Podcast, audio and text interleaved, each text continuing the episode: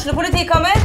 Ine Jansen er purk. Er du purk? The motherfucking bitch. Alt jeg vil, er å finne ut hva som skjedde med mannen min. Jon Carew. Er jeg sikta for noe? Iben Akeli. Det er du. Ole So, Lars Berrum og Big Daddy Karsten. Hvem sin side er du på, egentlig? Anette Hoff, Tone Danielsen, Kommer du fra Afrika? Jørnis Josef, Nesten. Kløfta. Trond Espen Seim, Det er synd å si det, men det var feil mann som døde. Purk. Premiere tirsdag på TV2 Play.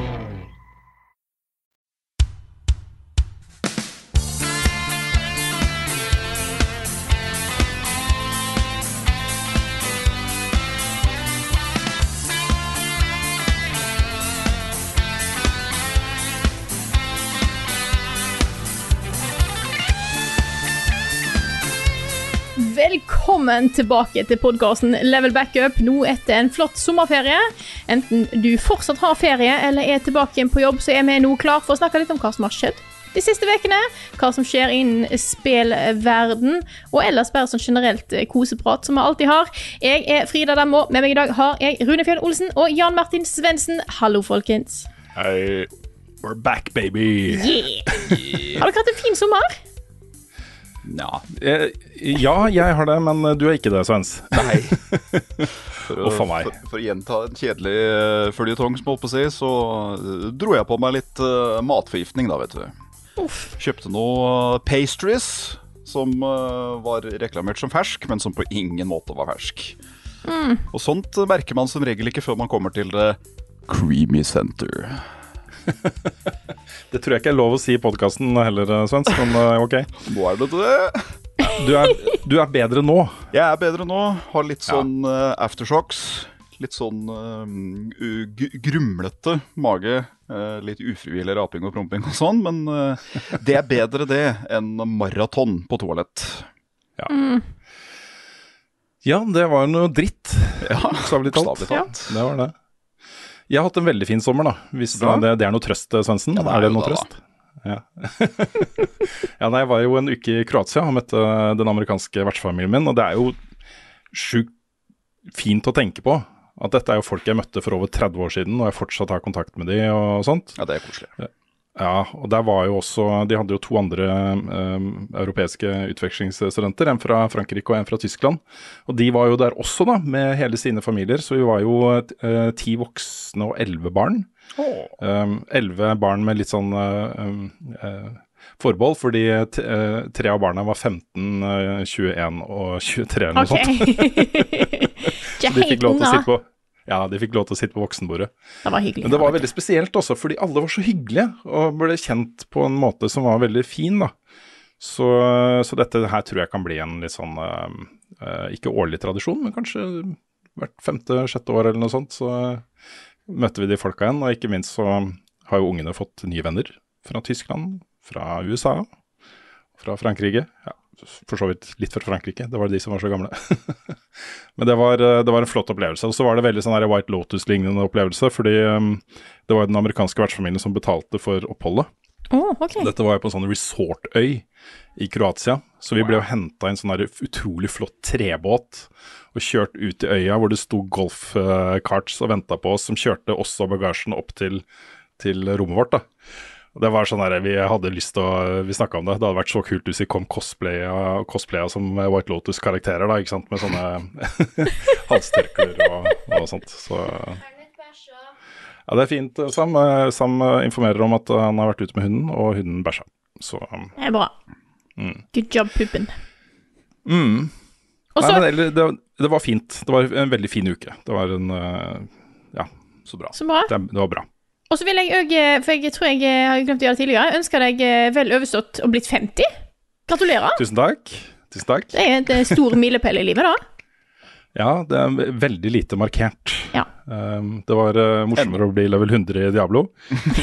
Men jeg har ikke feira nå ennå. Det er mulig at det blir noe fest til høsten. Men det er, det er sånn det, eh, Jeg har følt meg som rundt 50 noen år nå, så det føles ikke som noen stor overgang.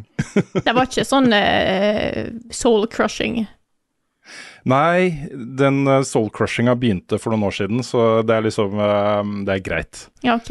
Men uh, Jeg har jo nevnt dette før, da, men det, den, ene, den store forskjellen med å bli 50 kontra de andre ti årene, er at man begynner å tenke på uh, liksom hvor, ja, okay, hvor langt i livet er jeg nå?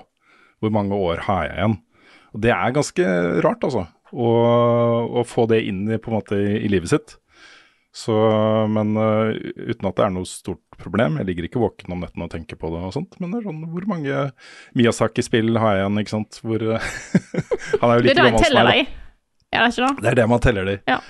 ja. Men han er like gammel som meg, så det er kanskje, kanskje det blir omtrent Jeg får, jeg får med alle spillene hans, kanskje. kanskje.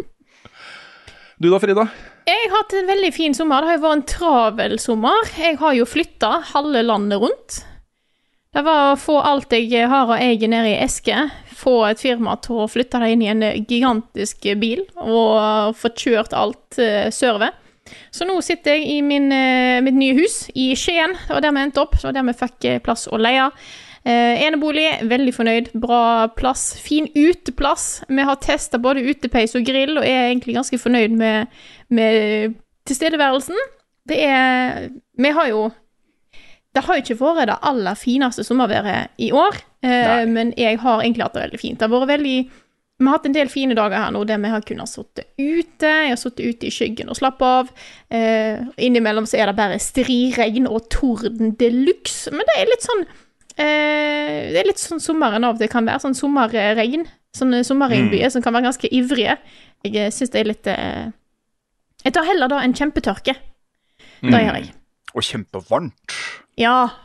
Det er helt klart eh, jeg merker stor forskjell å flytte fra den leiligheten vi bodde i, til den plassen her. Jeg tror jeg nevnte det i forrige podkast, at det blir så jæklig varmt i den der forrige leiligheten. Her mm. er det så svalt og fint. Selv når det er par og 20 grader ute, sol og steike, så er det nesten sånn at vi må kjøre varmepumpe for å få ha noe litt ekstra temperatur her inne. Og det er altså så herlig. Å bare mm. slippe det å renne vekk. Det, det er kanskje det beste med hele plassen her. Vi, det har stått mye om det i avisene, for det er jo eh, andre deler i verden så er det jo mye verre om dagen. Mm. Uh, med varmerekorder og temperaturer på over 40 grader og sånt. Uff, jeg har en mistanke om at, at, det folk liksom antyder nå Folk kommer til å velge Norge og Sverige og Finland og Island og sånt som sommerturiststeder. Det kommer til å bli Fordi dette er på en måte Tenk da, å reise fra 40 grader til sånn rundt 20, og det regner av og til jeg er helt sikker på at det kommer til å skje Altså. Mm. Så, så, det kommer til å bli en ganske stor, eh, stor forskjell for oss uh, i årene framover, tror jeg. Ja, tror jeg. Spesielt den, den, den saken om Golfstrømmen og sånt. Det er Uff. Ja, nei, det, det, er mye ting som er i vente foran oss, tror jeg. Mm, ja, det er litt skummelt. Det er skumlere enn å bli 50. Det er det, ja. ja. Tetris. Skyrim. Destiny 2. The Sims. Edderkoppkabal. Destiny 2. Animal Crossing. Pokémon Cola eller Pokémon Pepsi. Destiny 2. Gitar Hero. Kingdom Hearts Bohemian Boogaloo. Destiny 2.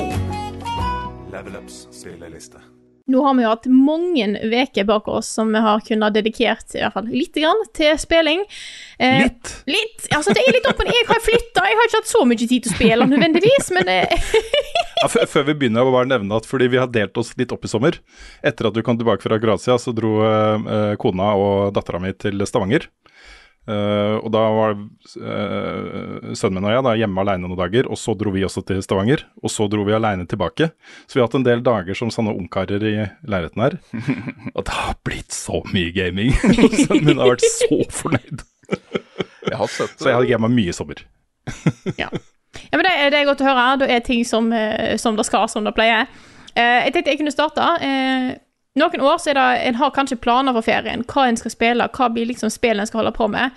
Av og til så stemmer det, av og til stemmer det ikke. I år stemte det 100% De aller første ukene gikk kun utelukkende til Story of Seasons and Wonderful Life. Denne remaken av Harvest Moon og Wonderful Life. Herregud, jeg tror jeg har bikka 50-60 timer i det spillet. Og jeg vet fortsatt ikke om det egentlig er kjempebra.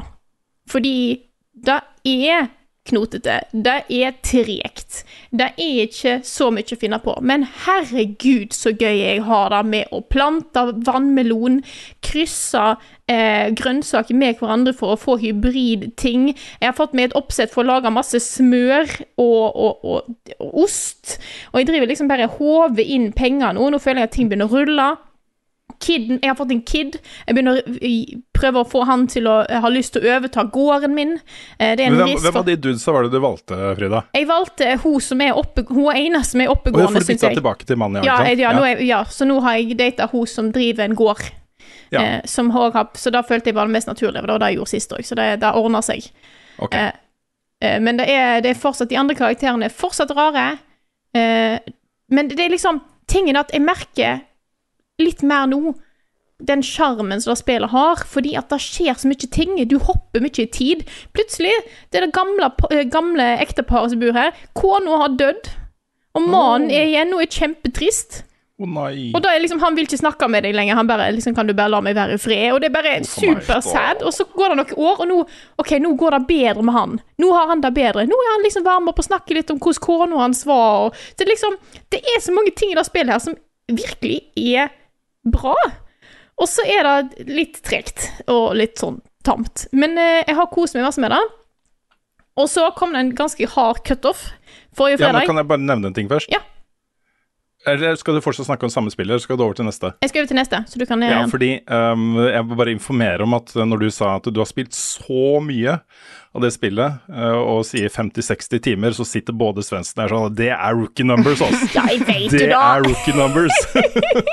Men med tanke på hvor mye jeg har, altså, hvor mye jeg har styrt med andre ting, så jeg, på en måte, jeg har spilt Ja, ja, ja. da mer enn jeg egentlig hadde forventa at jeg skulle.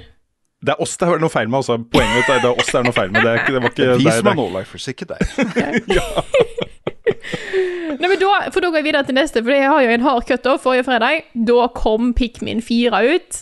Oh, yes. Endelig. Herregud, hvor lenge er det siden Pikmin 3 kom ut? Da var jeg jo på Wii U. Og Pikmin 4 hadde jeg snakka om i alle år. Bare sånn, ja, det er nesten ferdig, da. Mm, Og da tror jeg det var sånn sju år siden. Eh, nå kan det være jeg legger på litt her. Nå uh, kan det være jeg bare liksom Det er lenge. Det er ett Ja, eller mer år siden. Pikmin 3 kom ut uh, 13. juli 2013. Det er ti år er siden siden. Pikmin 3 kom ut. Mm. Men nå er Pikmin 4 her, og det er Jeg har jo sett litt videoer i forkant. Uh, jeg vet jo hva Pikmin er. Du går rundt i en fantastisk stilig verden. Uh, sånn miniatyrverden. Litt tilt-shift-stil, så alt, måtte er så, alt annet er så stort. Du er bitte liten og veldig, veldig søt. Eh, gå rundt med din hær med Pikmins, beseire uh, monster. Uh, mye sånn miljønavigering, puzzles, eh, hvordan håndtere ulike fiender med ulike Pikmins, den type ting. Det nye her nå er at du har en hund. Ja. Ochi, han er veldig søt. Han var jeg først litt sånn usikker på hvordan det kom til å føles å spille med. Eh, for das, jeg, jeg, klart, jeg ble ikke helt solgt på det de hadde vist fram tidligere, men det funker kjempebra. Du kan sette deg opp på han, han bare tar med seg alle pikminsa. Da fikser problemet med at du går rundt med 100 pikmins rundt deg, og plutselig så har noen av de bare datt i ei elv. Eh, fordi da å kontrollere denne massen av enkeltindivid er vanskelig. Nå kan du bare sette alle på hunden din, og så er de i midten. De er der. De detter ikke ut i elv eller ut forbi et stup eller sånne ting. Eh, så det er faktisk veldig fint. Han kan svømme, så det er lett å bare ta med seg pikmins over, eh, over vann. Du trenger ikke bruke de blå pikminsa som kan svømme.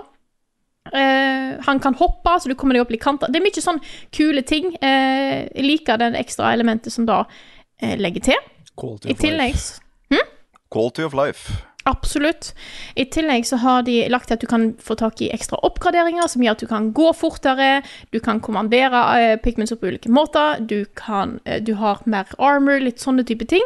Og de har lagt til en helt ny modus, eh, som er på natta. Vanligvis har du ikke kunnet være på disse verdenene på natta, for da er alle fiendene helt crazy. Bare, du bare får beskjed om du kan ikke være der. Nei, det, it's, it's bad. Eh, men nå har de lagt til nattmodus, som er en litt sånn wave-basert Jeg vil ikke helt si tower defense, for du setter ikke opp towers, men det er på en måte det er wave, som du skal beskytte en, eh, en sentral hub. Eh, jeg syns han funker veldig bra. Jeg er ikke helt solgt på han. Han føles litt knotete. Eh, men generelt sett veldig glad i, i spillet. Jeg syns det gir veldig mye bra. Det har på en måte den den sjarmen det har hatt før. Jeg syns noen av tingene de har lagt til, eh, som er sånn Jeg tror de vil at det skal være quality of life-ting, men det gir spillet litt for lett. De har lagt til en sånn at å ja, du kan bare rewind time. Så har du masse checkpoints tilbake i løpet av en sånn Pikmin-dag. Du kan bare velge, i tilfelle noe har gått skikkelig gale. Og da føler jeg at du mister den her eh, vanskelighetstingen. I dag du plutselig har eh, slåss mot et eh, gigantisk monster, og den har tatt ut halve hæren din, som var forferdelig devastating, eh, og bare hjerteskjærende før, da hadde du valg om å gå tilbake igjen, sette tilbake igjen hele dagen, at du mista alt du hadde gjort den dagen for å redde disse pigmentsa, eller bare leve med tapet du hadde gjort. Og nå bare trykker jeg på en knapp, og så går jeg to minutter tilbake inn i tid, og så kan jeg bare gi det samme på nytt igjen. Jeg kan jo bare velge å ikke gjøre det, men når, når option er der, så blir det litt Mm. sånn jeg, jeg vet ikke helt hva jeg syns om det. Men kan du, kan du bare skru det helt av, liksom? Altså, Jeg eller vet ikke. vil den alltid være der? Uh, tingen er da at en ting er at du må liksom Du må inn i en meny og velge det.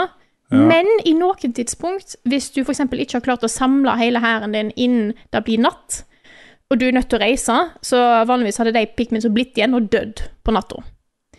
Eh, og da skjedde med meg et tidspunkt. Jeg hadde feilvurdert litt tid, eh, og plutselig så var det 15 stykk som, som var igjen, som jeg ikke rakk å hente.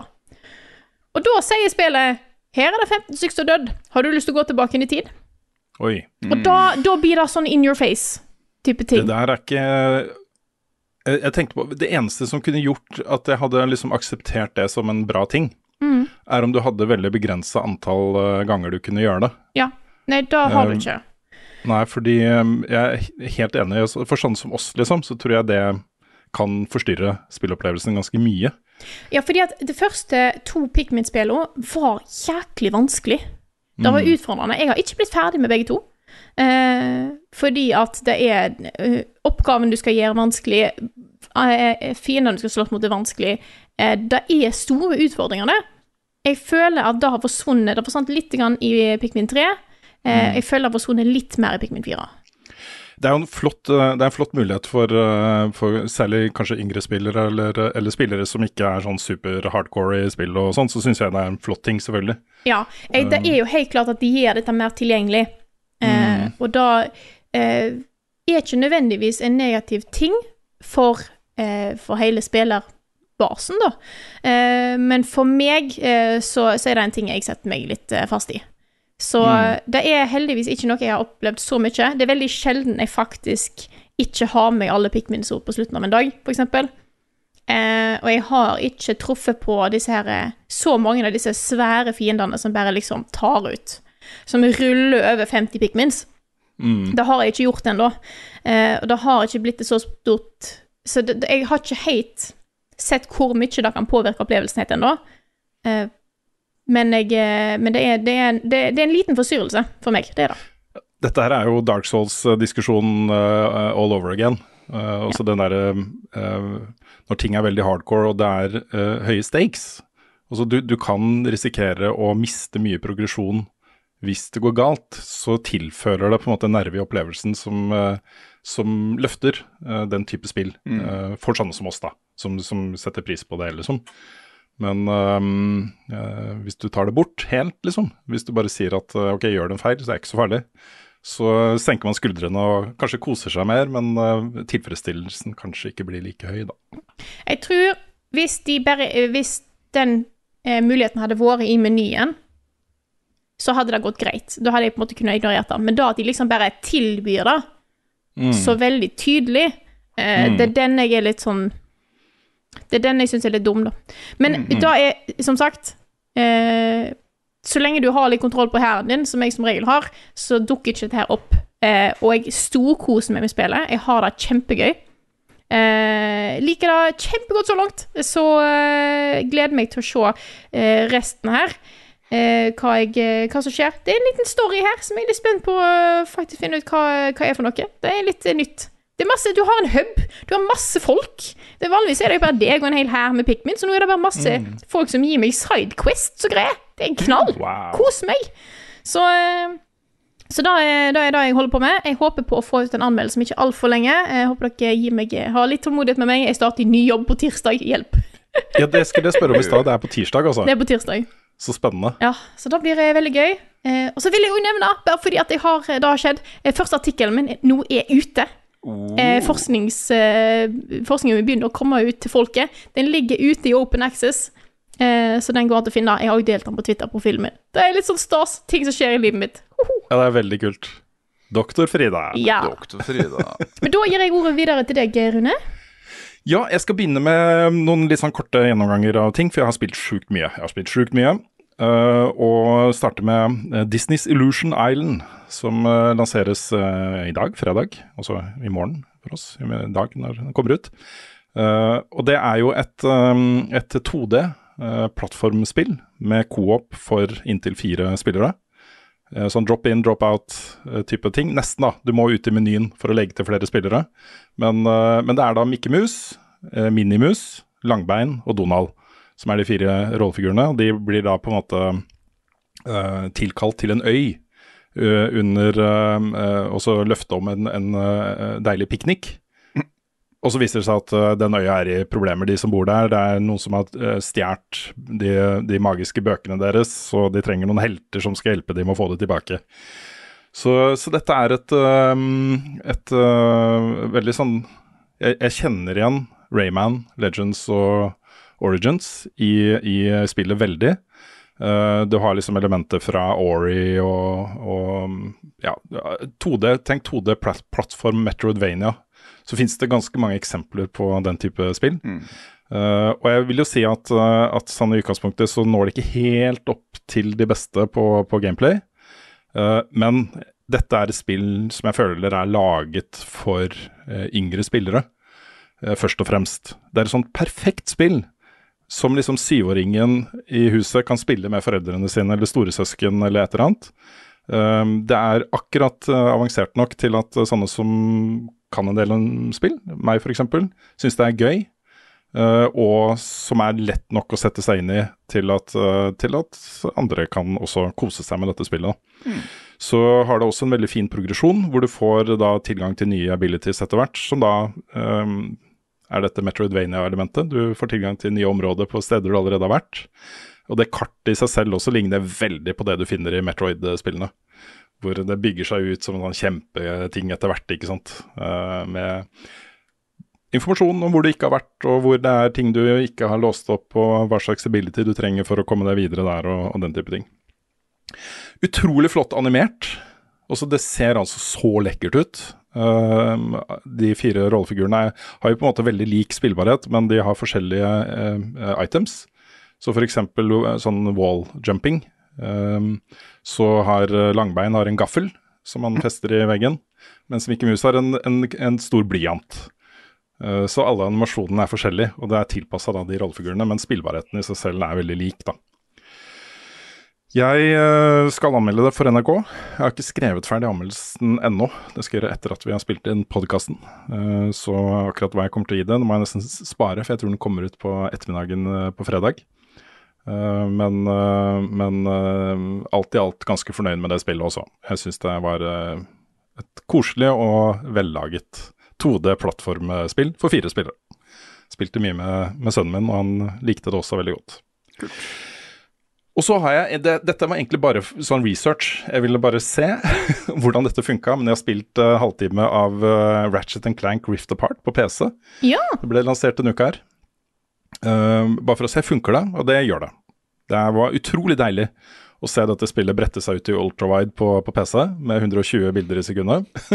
da tror jeg på. Det ser jo allerede veldig lekkert ut på PlayStation 5. Mm. Ja, ja. De, de, gjorde en stor deal ut av at du burde ha en SSD-disk for å spille det på PS5. Uh, så Det var eneste måten å få det til å funke på. Uh, så jeg med vilje så installerte jeg det på en vanlig HDD på PC-en for å se om For de sier at du trenger ikke det på PC. uh, og det funker bra. Jeg hadde et lite problem med at lyden og videoen ble ute av synk i mm. cutscenes. Hmm. Hvor det virka som om liksom spillet begynte å laste opp lydfiler separat fra videofiler, og så ble det ikke Ikke sant. Men bortsett fra det så fløt det kjempebra. Så, um, så jeg tror dette her er et, et trygt kjøp også, for folk på PC. Og et veldig bra spill.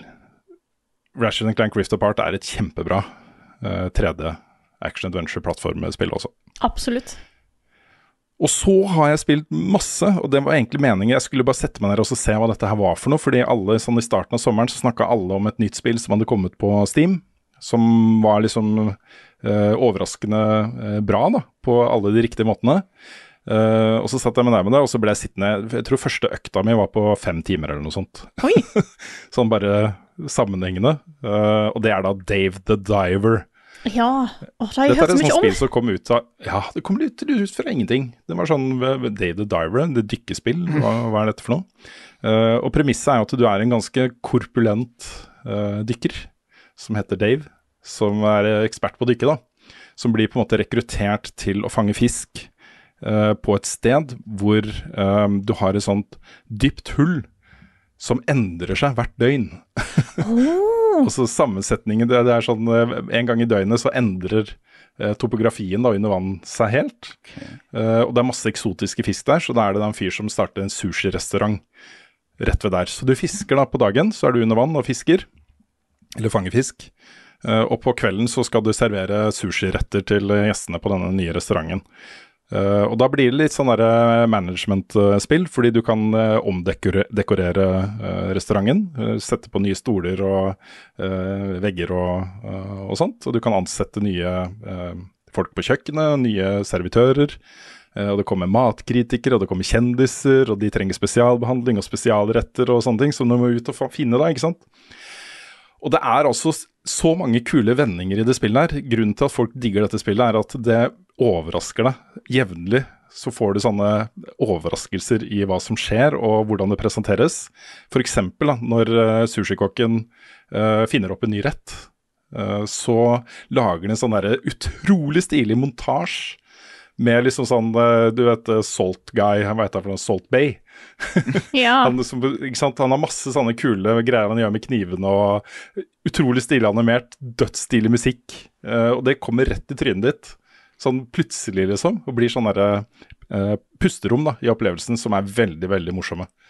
Um, og så er det også um, mange andre overraskelser. Eksempel så finner du restene av en gammel sivilisasjon, undervannssivilisasjon her, som du skal utforske videre. Det er jo masse rare fisker og uh, svære kjempeblekkspruter og haier og alt mulig rart. da. Så dette spillet her er legit dritbra. Eh, anbefaler det veldig. Jeg hadde lyst til å prøve å få til en anmeldelse. Jeg syns det har gått litt lang tid nå, så er det, har jeg litt mye annet å gjøre. Men jeg kan i hvert fall anbefale det sterkt også. Dette er et kjempebra spill. Kommer til å definitivt havne på min topp 10-liste for i år, det er jeg helt sikker på. Damn. Så Dave the Diver, altså. Da skal prioriteres. Ja, eh, første, jeg, satt og spilte så mange timer den første dagen at, eh, at det var uaktuelt å gjøre noe annet enn å spise sushi den dagen. jeg ble så Nice. sulten av det. Det var, det så så lekkert ut. Så selv om det er liksom 2D og pixel-greier og sånn, så bare åh. Det var, eh, så det var en god middag. Og så, da. Det som jeg er mest uh, gira på akkurat nå um, Ikke helt uventa, men litt uventa at jeg skulle like det så godt. Uh, kom ut denne uka her. Remnant 2. Remnant 2. Ja, Vi satt jo og spilte det i går uh, sammen, Svens. Carl også. Eh, og mm, jeg er nesten litt sjokka over hvor godt jeg liker det. Fordi eh, når jeg ser på Steam nå, så spilte jeg spilte det i tolv timer i går. Wow. Så det var det første dagen jeg spilte, det var på onsdag. da. Tolv timer, eh, det var hele dagen i går. Og det er også så bra. Og vi hadde noen veldig kule opplevelser eh, eh, som, som forvirra meg skikkelig når vi satte oss ned. Fordi jeg spilte jo litt før eh, du kom inn, Svens. Eh, og Først var det Carl og jeg som spilte litt, og så eh, kom du inn etter hvert. Men mellom der så hadde jeg også spilt litt alene. Så vi hadde jo spilt litt hver for oss også. Og jeg kjente ikke Vi var på samme område, men jeg kjente ikke igjen kartet.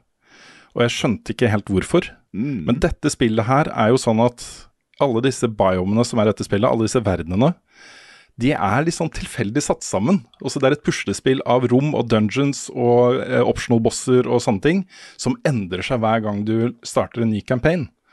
Eh, og det du også i tillegg kan gjøre, dette er jo en sånn rogelight-greie, du kan når du vil reloade campaignen og starte på nytt med alle oppgraderingene du har. Og da vil du få liksom nye rom og nye, helt ny sammensetning. da, Forskjellige rekkefølger på verdenen du er innom osv. Jeg har spilt tre biomes nå. Og det er altså så stor variasjon, og så kule bosser, og så mye fete hemmeligheter å finne.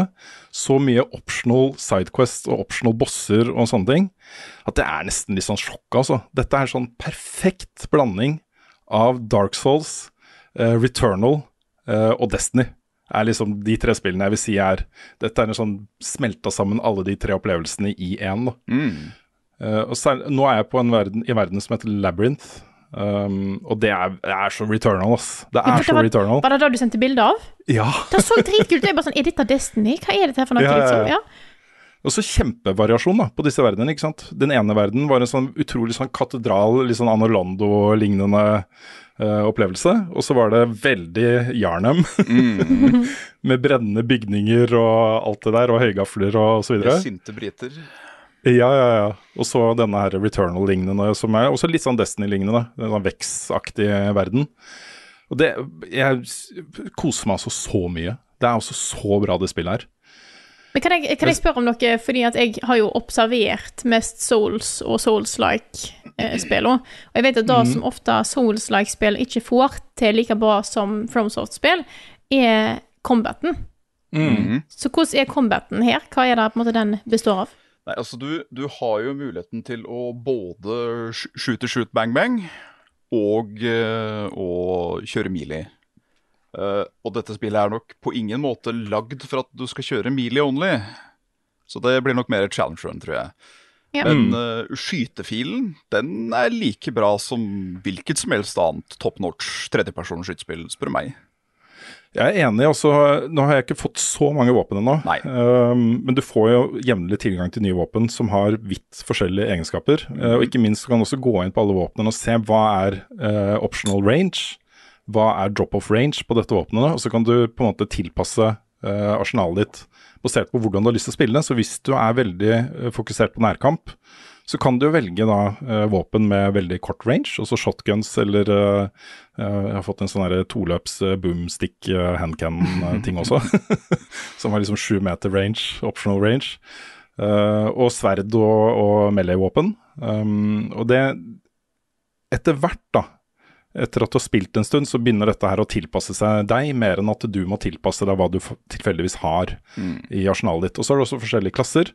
Eh, Du har en, en veldig sånn tank-klasse som vi da valgte alle tre ut å snakke hverandre på forhånd.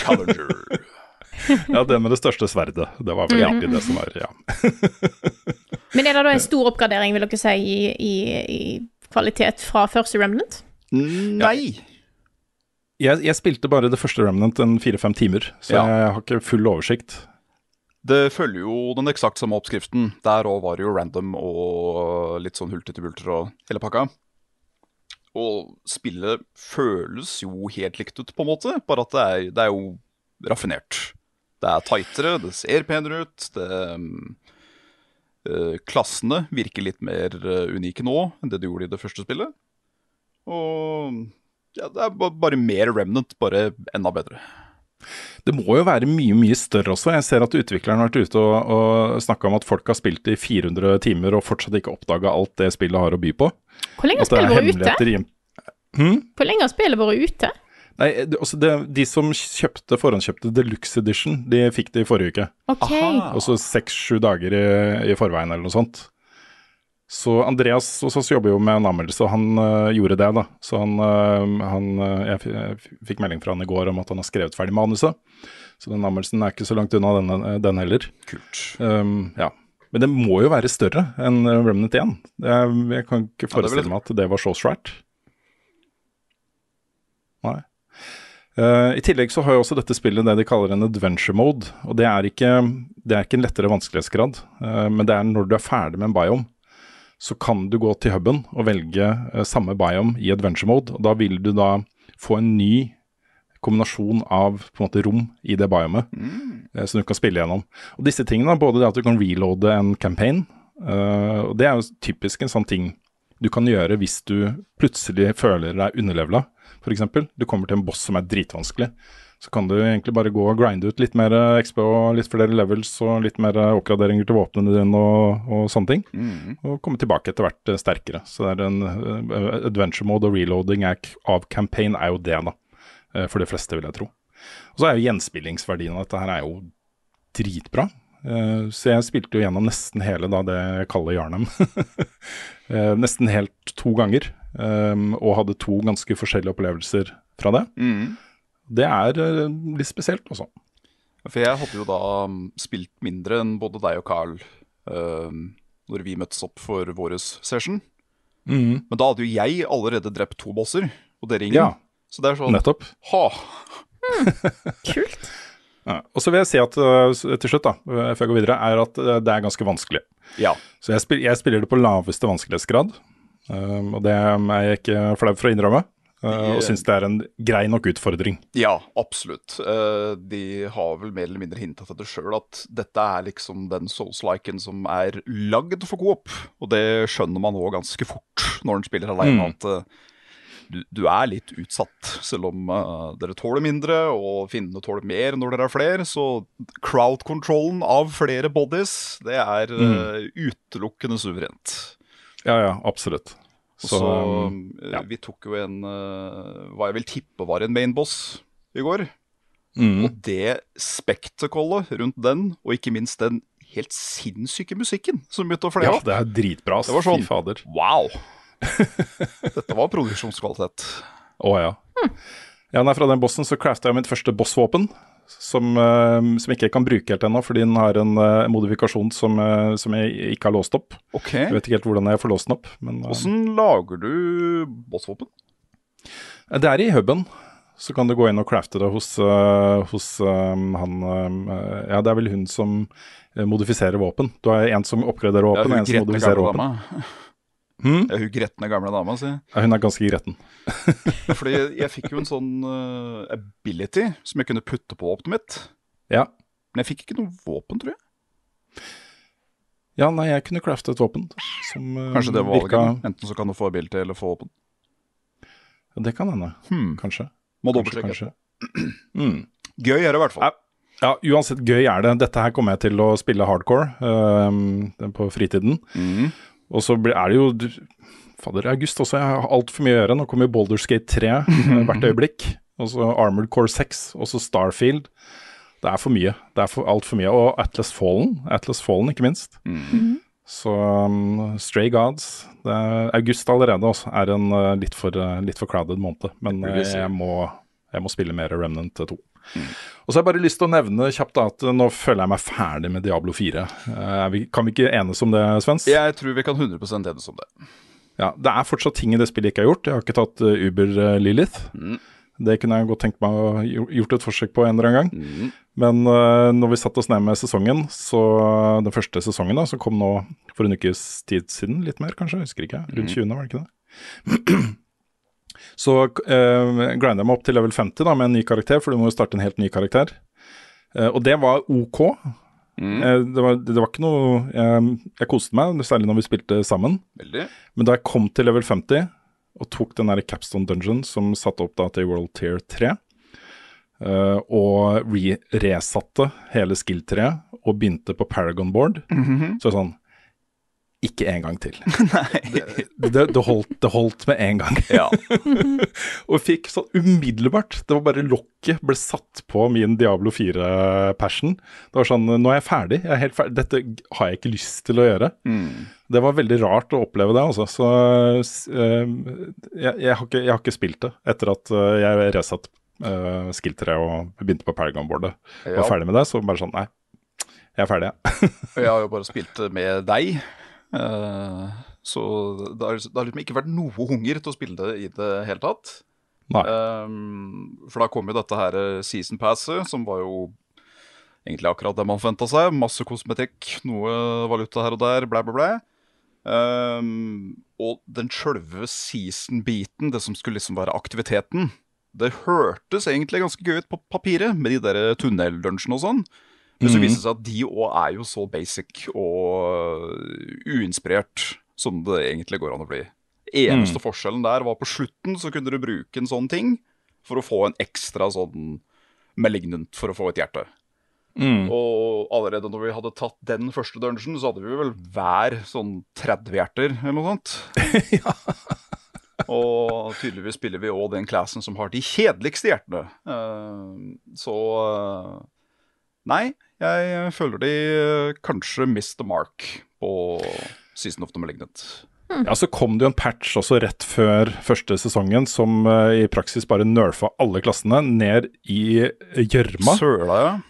Ja, Og og gjorde alt defenses enda mindre verdt enn det de allerede var. Å, for meg. Det, var ordentlig ille å se alle disse her uh, Nå kan det hende at noen av disse bildsa var litt vel OP. Mm. Altså det var litt At de var ikke for kraftige. Jeg skjønner hvorfor de ville balansere spillet, men det de gjorde, var jo ikke å balansere spillet. De Nei. bare satt liksom baseline for hvor kraftig man skal være etter spillet, helt ned. Vi gjør alle verre og alle Ja. seire, og vi nerfer XP-gain med jeg tror det var sånn 10-15 Mm. Så at det skal ta deg lengre tid å komme til slutten. For det er Ja. visst healthy for the long run av spillet. altså, jeg blir altså faktisk forfjamsa, uh, forbaska, fornudlet på, Fornudlet, ja. Fornudlet på at Blizzard med så lang erfaring, eh, ikke bare med sin egen sjanger eh, Det er ikke første season de har gjort et spill, det her, for å si det sånn. Eh, og med bare alle de åra de har hatt med spillagring siden Lost Vikings uh, back in the day, at de fortsetter å gjøre sånne ekstremt utvilsomme, uh, eller tvilsomme, gjennomføringer av patcher og greier, sånn uten å i det hele tatt bringe det til lys til noen som spiller. At det bare er sånn Her, her har vi en, eh, her har vi en firesiders eh, novelle med ting. Eh, det virka OK innafor hos Vårs. Mm. Så da syns vel dere det er greit òg, da? Eh, nei. Nei. Så jeg, jeg, jeg lurer litt på hva de driver med, skal jeg være helt ærlig. Jeg har jo sett noen har lagd uh, nye builds da, med disse nye uh, aspectsene og sånt som har kommet i sesongen, som også er ganske kraftige. Men, eh, men eh, de har jo sagt selv at de kommer aldri til å gjøre dette igjen.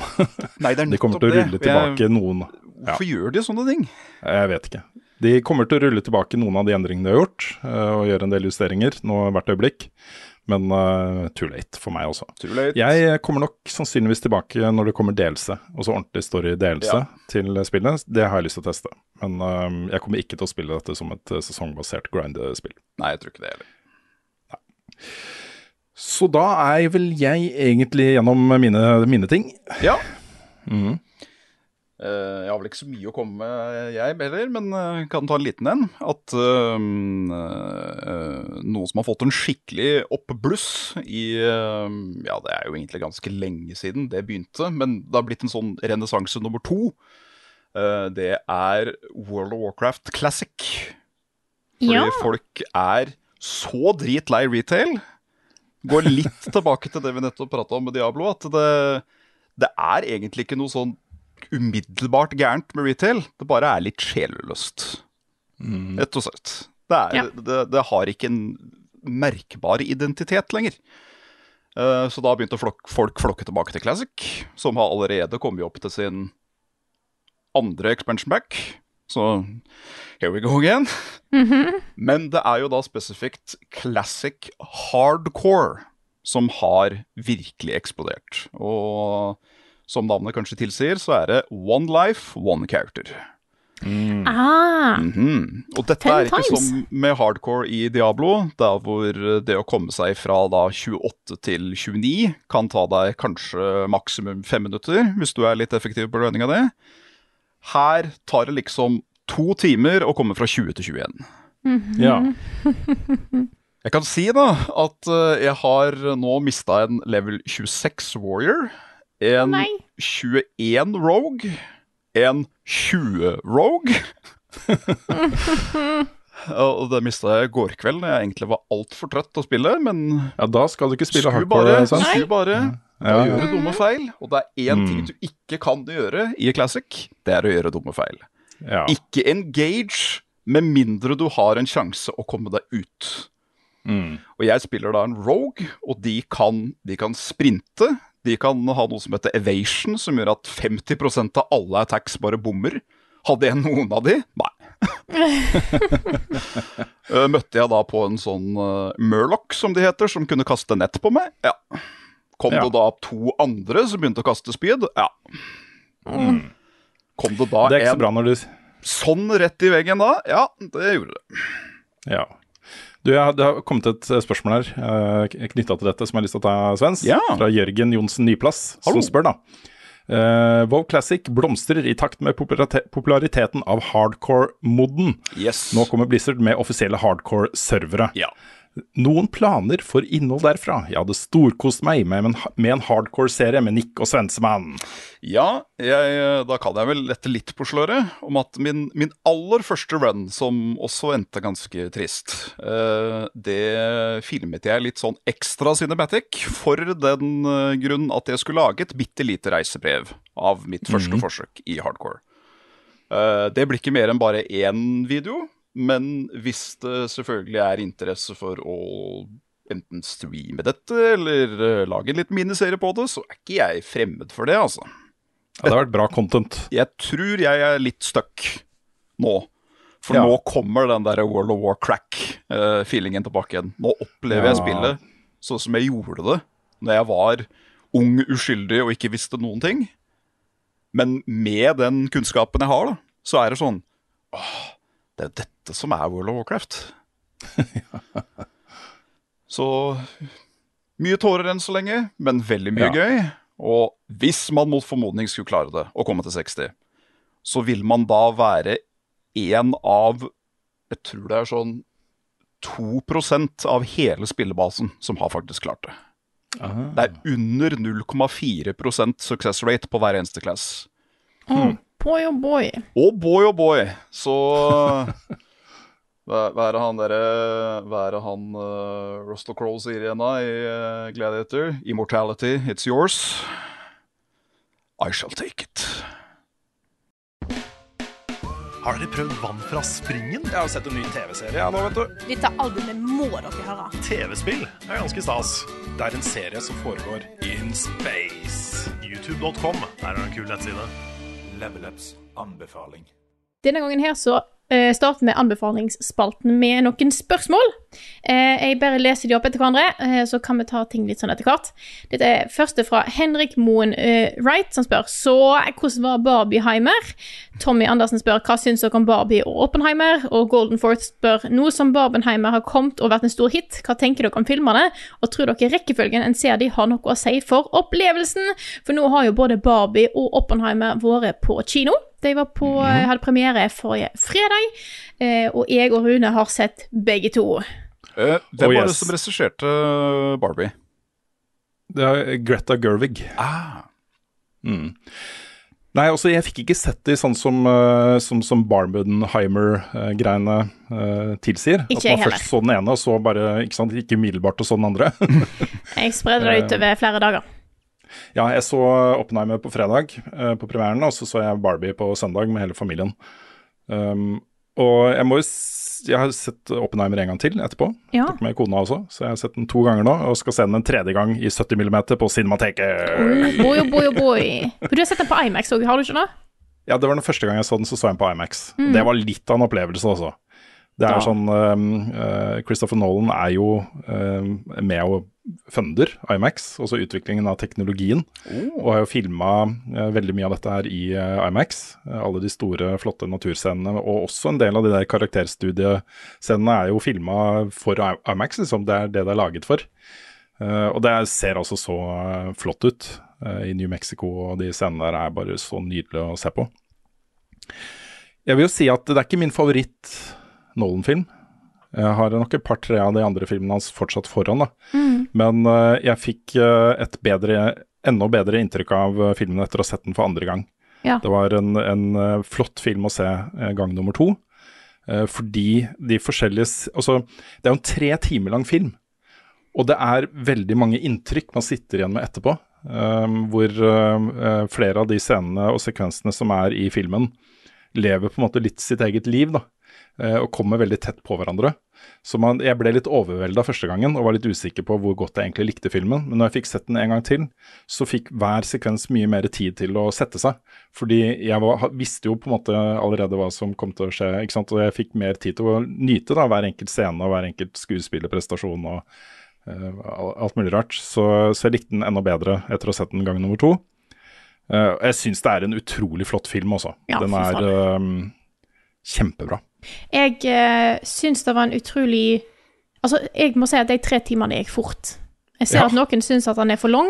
Jeg syns bare jeg, jeg, jeg fatt, Det var plutselig gått tre timer, og jeg var helt sjokkert. Mm. Eh, da jeg så hvor lenge For jeg visste ikke hvor lenge han skulle vare i forkant, faktisk. Det hadde jeg glemt å sjekke. Eh, bra jeg hadde tima parkeringsregistreringa uh, mi bra likevel. Mm. Men da jeg så det hadde gått tre timer, så var jeg helt, jeg var helt sjokkert. Uh, jeg er helt enig i at det er kanskje Jeg tror kanskje filmer som Interstellar er Jeg liker de bedre, men jeg fikk Den følelsen jeg satt med underveis i Oppenheimer, var veldig spesiell. Mm. Eh, nå vil jeg bare legge til en liten sånn liten sånn her eh, ekstra ting her. Da jeg kjørte til kinoen, så var det tordenstorm. Jeg kjørte ned i Skien sentrum. Lynet flasha rett foran, eh, rett foran eh, øynene på meg, fra himmelen og ned. Ikke liksom nærme nok, men det var sånn at det var ett sekund, og så hørte jeg braket. Det var striregn og hagl. Jeg visste ikke hvor jeg skulle. Jeg hadde ikke Oi. kjørt så mye siden. Jeg visste ikke hvor, jeg, hvor, kinoen var. Jeg kunne ikke lenger høre eh, Google Maps eh, fortelle meg hvor jeg skulle, for det hagla og regna så mye. Jeg er veldig sikker på at jeg kjørte opp en enveiskjørt vei feil vei eh, på et tidspunkt, men jeg kom meg ja. fram. Eh, og så satt jeg der med den følelsen, for jeg, jeg, liksom, jeg, kan tenke veldig mye og anke veldig mye på ting jeg har gjort. Bare sånn 'Å, gud, kjørte jeg feil? Herregud. Å, gud, jeg, har jo gjort noe galt.' sant? Jeg satt med litt sånn eh, eh, angst i meg, og så underveis i kinoen satt jeg på en måte og følte meg litt sånn stressa. Og så 'Å ja, shit, har jeg glemt å låse bilen?' Ny bil, sant? Vi kjøpte oss bil for noen uker siden. Eh, og jeg kjente jeg satt og tenkte litt over åh, jeg klarer ikke helt å få lagt fra meg det stresset jeg har, eh, og nyte filmen. Men så innså jeg at det stresset jeg følte, det var ikke fra før. Det var fra filmen. Mm. Og den spenningen og, og, og, på en måte den eh, ekkelheten i at jeg visste hva de skulle lage. Mm. Jeg visste hva som kom til å skje. Og jeg visste at det de ender opp med å lage, har destruktive krefter ulik noe annet, og som vi mennesker ikke har noen måte å beskytte oss mot. Mm. Og jeg innså at den samme følelsen jeg satt der med, var den samme som jeg hadde da jeg så Tsjernobyl for første gang. Mm. Og da jeg innså det, tenkte jeg å herregud, for en opplevelse dette her er. Og bare liksom lot da stresset sitte i meg, og, og på en måte ikke eh, ikke prøve å få det til sides, for jeg skjønte at dette her, dette er det jeg skal føle. Dette er det, dette er det filmen gir med meg. Mm. Eh, og da syns jeg var stilig. For det Det er, det, det er liksom selv om ikke filmen har noen sånne skikkelig sånn actionscener, det er ikke det det går på. Det går på denne konstante oppbyggingen av anspenthet. Mm. Ja, den har en del sånn fellestrekk med Dunkerque uh, der. Som uh, Også Dunkerque er jo Det er jo ikke one take, men også den, den uh, har et lydspor musikk som på en måte bare vokser og er med hele veien. Også det er ment som en sånn én lang sammenhengende opplevelse. Denne filmen er også litt sånn. Også den hopper jo litt fram og tilbake i tid, og den øh, flytter seg fra altså, lokasjoner, øh, ganske stor spennvidde og sånne ting. Mm. Men den har et driv som jeg er helt enig med deg, Frida. Den bygger opp under den derre konklusjonen, da. Uh, dette er en film som har fått også litt kritikk fordi den ikke um, så du får ikke se noe uh, av hvordan de atombombene um, var da, i Hiroshima og Nagasaki. Um, men det, i etterkant, jeg har lest masse om filmen i etterkant også, uh, om Oppenheimer. da, Og han har jo aldri snakka om de ødeleggelsene og ikke vedkjent seg det og ikke tatt ansvaret for de. Det han har på en måte tatt ansvar for, er jo det som skjedde i New Mexico, og at han utvikla bombene og sånne ting. Mm. Så det føles som et veldig bevisst valg ja. i et portrett av Oppenheimer. Det å på en måte ikke vise i detalj hvordan disse bombene eksploderte over de to japanske byene. Jeg føler at det passer seg, og måten at det ikke var inkludert, syns jeg var eh, Det gjorde seg eh, Filmen klarte seg veldig fint uten de tingene. Vi vet alle hvor fælt det var. Mm. Eh, så, så jeg trenger ikke å få sett det. Mm. Da bare det å se den prøvesprengningen var nok for meg. Ja. Da jeg vil òg bare legge til, var at dette var en veldig spennende film å se for meg som har veldig mye erfaring med forskning og forskningshistorie og fysikk. Mm. Eh, er, jeg har veldig respekt for filmer og regissører som ikke undervurderer eh, tilskuerne sine. Helt enig. Og da gjør ikke denne filmen her i det hele tatt. De presenterer masse kjente personer uten å eh, måtte fortelle deg hvem de er. Hvis du Mm. ikke vet hvem de er, så skjønner du at disse er viktige og har hatt en stor påvirkning. Hvis du vet hvem de er, så er det sånn Å, shit, det var Nils Bohr. Ja. Og da, eh, så da syns jeg var veldig gøy. Det er et bitte lite segment, bitte lite eh, kvart sekund, der du får se at Oppenheimer hører på 'Vårofferet' av Stravinskij. Mm. Et sjukt revolusjonerende verk i den tida. Og, mm. og bare på en måte å gi det litt sånne glimt. Jeg er veldig veldig glad i den åpningssekvensen, hvor han, eller eh, første delen av filmen, Mm. hvor han da um, uh, reiser rundt i Europa og besøker de forskjellige universitetene og uh, er på forelesninger av de største tenkerne innenfor kvantefysikk i Europa, Uh, og snakker med Heisenberg og, og Heisenberg, Heisenberg kan vi si siden Heisenberg. Ja, ja, ja. Uh, og så, da, uh, når krigen bryter ut og du har Nazi-Tyskland og sånne ting, å vite at alle de personene han har vært rundt og snakka med, de største tenkerne innenfor kvantefysikk, som nå skal sitte og lage atombomben for Hitler, er jo innenfor det tyske riket, ikke sant. Eh, Danmark og Nils Bohr er okkupert, ikke sant. Heisenberg har ansvaret for å lage denne bomben og sånne ting. Så det å få det innblikket først, hvor han reiser til disse her vitenskapshøyborgene i Europa for å eh, liksom utvikle seg da, og bli flinkere, syns jeg var dritbra. Det er en veldig stilig del, de- eh, innblikk i en veldig spennende eh, periode i fysikk og vitenskap og forskning. Eh, jeg skal ikke dra dette her altfor langt, eh, men etter jeg har sett det her i filmen, så innså jeg at jeg kan ikke så mye om Oppenheimer egentlig. Eh, Mm. og vanskelig å på en måte si hva i filmen er korrekt, hva, sånne ting. Så jeg endte opp med å lese gjennom hele Wikipedia-sida til Oppenheimer som en start. Og da var det sånn, ja, han ble kjent med disse og disse og disse. Og jeg bare trykte på den, fikk nobelpris. Neste person fikk nobelpris. Det er Ja. en periode der det var så stor omveltning i hele fagfeltet, med kvantefysikk som, er, som, som endra hele måten en så på store deler av feltet. Eh, oppdagelse av så mye stilig i, i, i astrofysikk og sånne ting. Eh, Det er en grunn til at det liksom alle bare fikk Altså, det var så mye store personer som har betydd så mye for alt i seinere tid òg. Eh, så da, det, er, det er stilig å se. Jeg, eh, da, da på en måte Jeg tror eh, det ga en ekstra dimensjon til filmen for min del. Mm.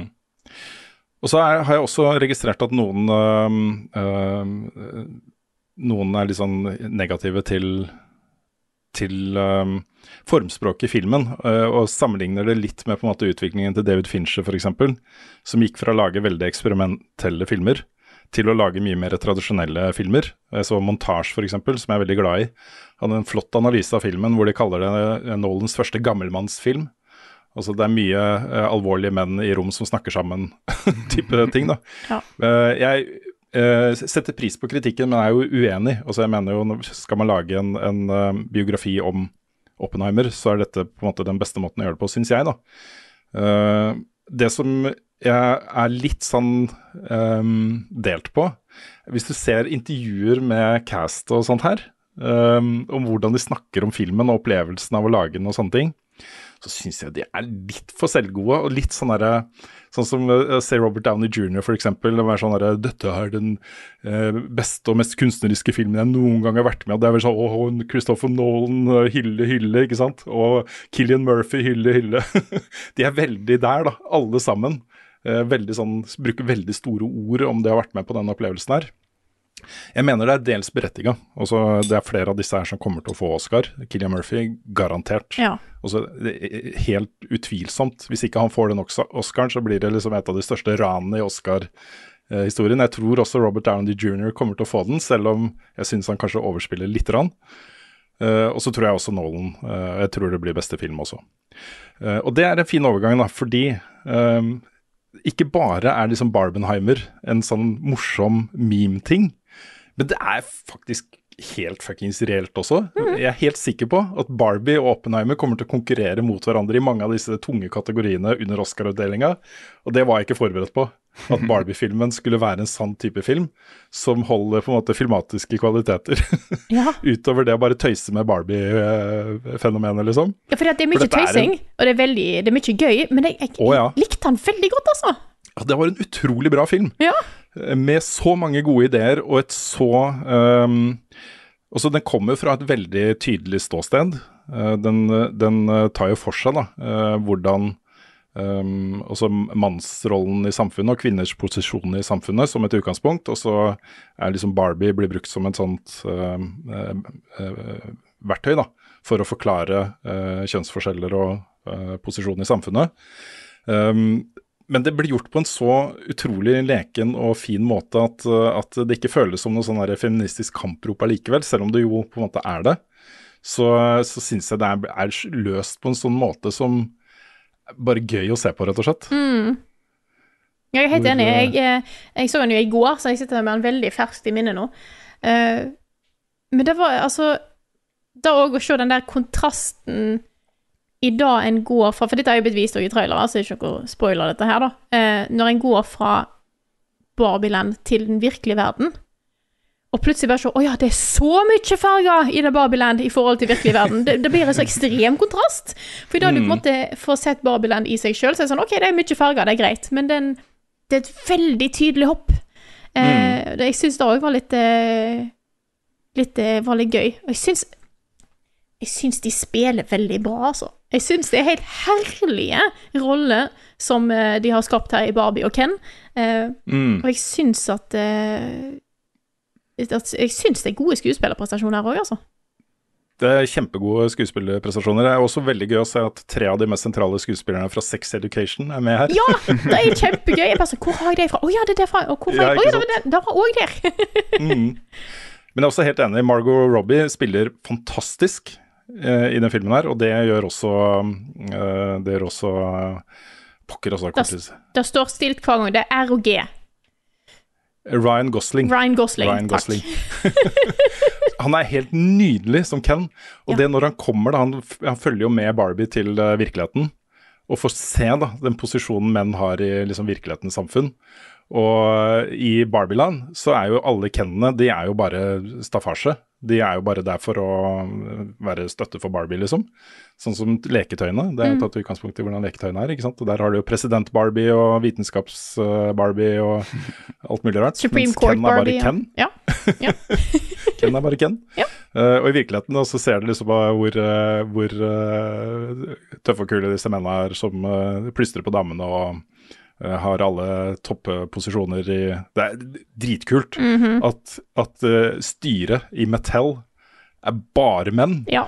Og så Jeg skjønner ikke hvordan de har fått lov til å tegne et sånt bilde av Mattel i den filmen her. Jeg syns jeg, så, jeg har ikke gått i kildene på dette, men jeg syns jeg husker jeg så en eller annen kommentar på at eh, at Mattel på et tidspunkt hadde lyst til å gå gjennom manuset til filmen. Og så var det noen som hadde med det her å gjøre, så bare sånn Ikke gjør det. Dere, Ja. burde, dere burde bare takke eh, Greta Gerwig for at hun har lyst til å lage denne filmen her, som han er. Mm. Ikke bland dere! men jeg, Ja. igjen, jeg, har, jeg bare husker jeg så en overskrift. Det kan til og med være at jeg bare så det på Reddit som en post. Jeg, men jeg bare husker at jeg leste noe om dette. Mm. Nei, det er, Fordi, ja. jeg syns det, er det er veldig morsomt. Det er jo selvfølgelig litt eh, satt på spissen, men eh, det er mye kjerne av sannhet i det som blir port portrettert og vist fram også, ikke sant.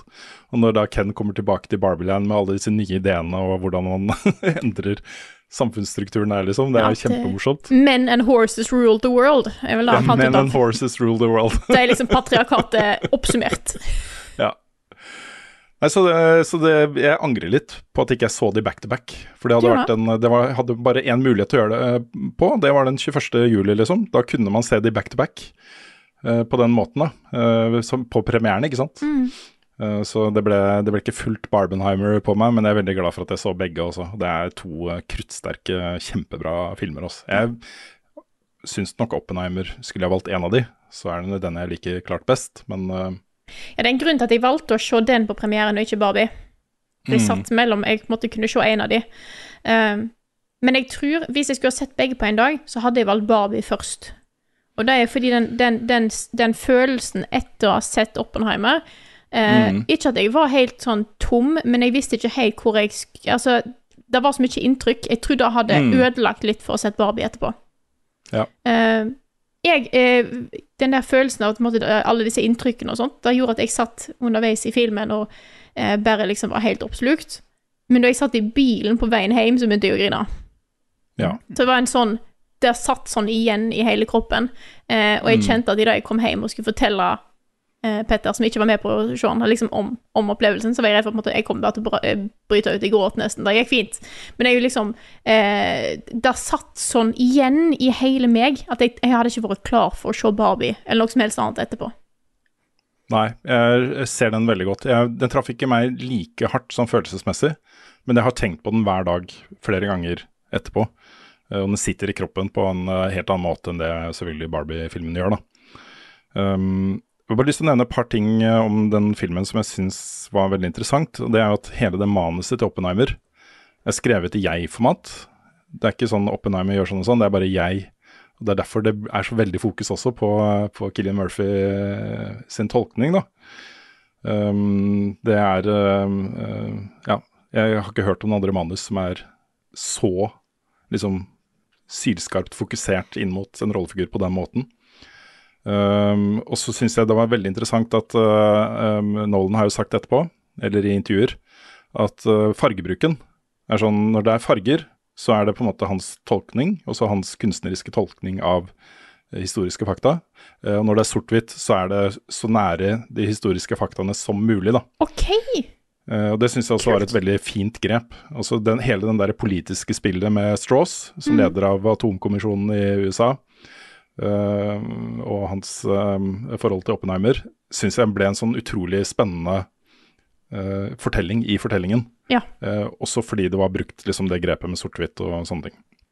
Kult. Nå skal jeg tenke masse på scener eh, derfra. Jeg visste ikke om fargebruken sånn Jeg trengte det var på en måte noe med tid, hvor hen i tid, og det var litt sånne eh, Mm. type ting. Stilig. Da har jeg sansen for å, å illustrere det på den måten. Ja, for Filmen er basert på en bok som heter American Prometheus. og Prometheus var den greske guden som ga ilden til menneskeheten, og så ble straffa i all evighet eh, for det av de andre greske gudene. det er en veldig passende eh, Den har jeg lyst til å lese. Mm. Uh, og det var også en bok som uh, Det var ikke den boka, det var en bok med taler Oppenheimer hadde gjort, som, uh, som Christopher Nolan fikk av Robert Pattison etter Tenet. Okay. Så det var det som gjorde at han ville lage den filmen her, da. Jeg, jeg, jeg elsker å nerde inn i sånne små detaljer rundt disse filmene. Jeg syns det er så spennende. Absolutt. Skal vi oppsummere? Eh, hvis ikke du har sett Oppenheimer og eller Barbie, ta og se dem på kino. Hvis du har Ja, mulighet. gjør det også. Gjør det. Det er i hvert fall Oppenheimer på kino. Mm, Den mm. må oppleves på kino. Jeg, jeg ville, ville gitt Oppenheimer eh, ti av ti eh, som film. Eh, men eh, jeg, jeg, fortsatt, jeg tror jeg fortsatt holder liksom både Interstellar og Inception eh, foran, da. eh, fra Nolan. Jeg så meg, jeg hadde fått et spørsmål om han Oppenheimer havna inn på topp ti-listene våre over beste filmer. Jeg tror ikke han har gjort det for min del ennå. Ikke ennå. Kanskje, kanskje når det får sunket og får sett den. Jeg skal se den flere ganger, så kanskje. Men jeg tror ikke det heller.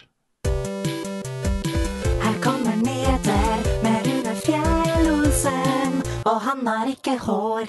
Det har vært en eh, relativt sånn rolig nyhetssommer uh, når det gjelder spillnyheter.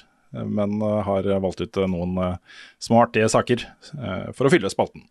Starter med eh, det som blir kanskje årets største spill for veldig mange, Baldur's Gate 3. Hvor eh, det kom fram i sommer eh, at eh, utviklerne sa spillet har, hold dere fast, 17 000 forskjellige slutter.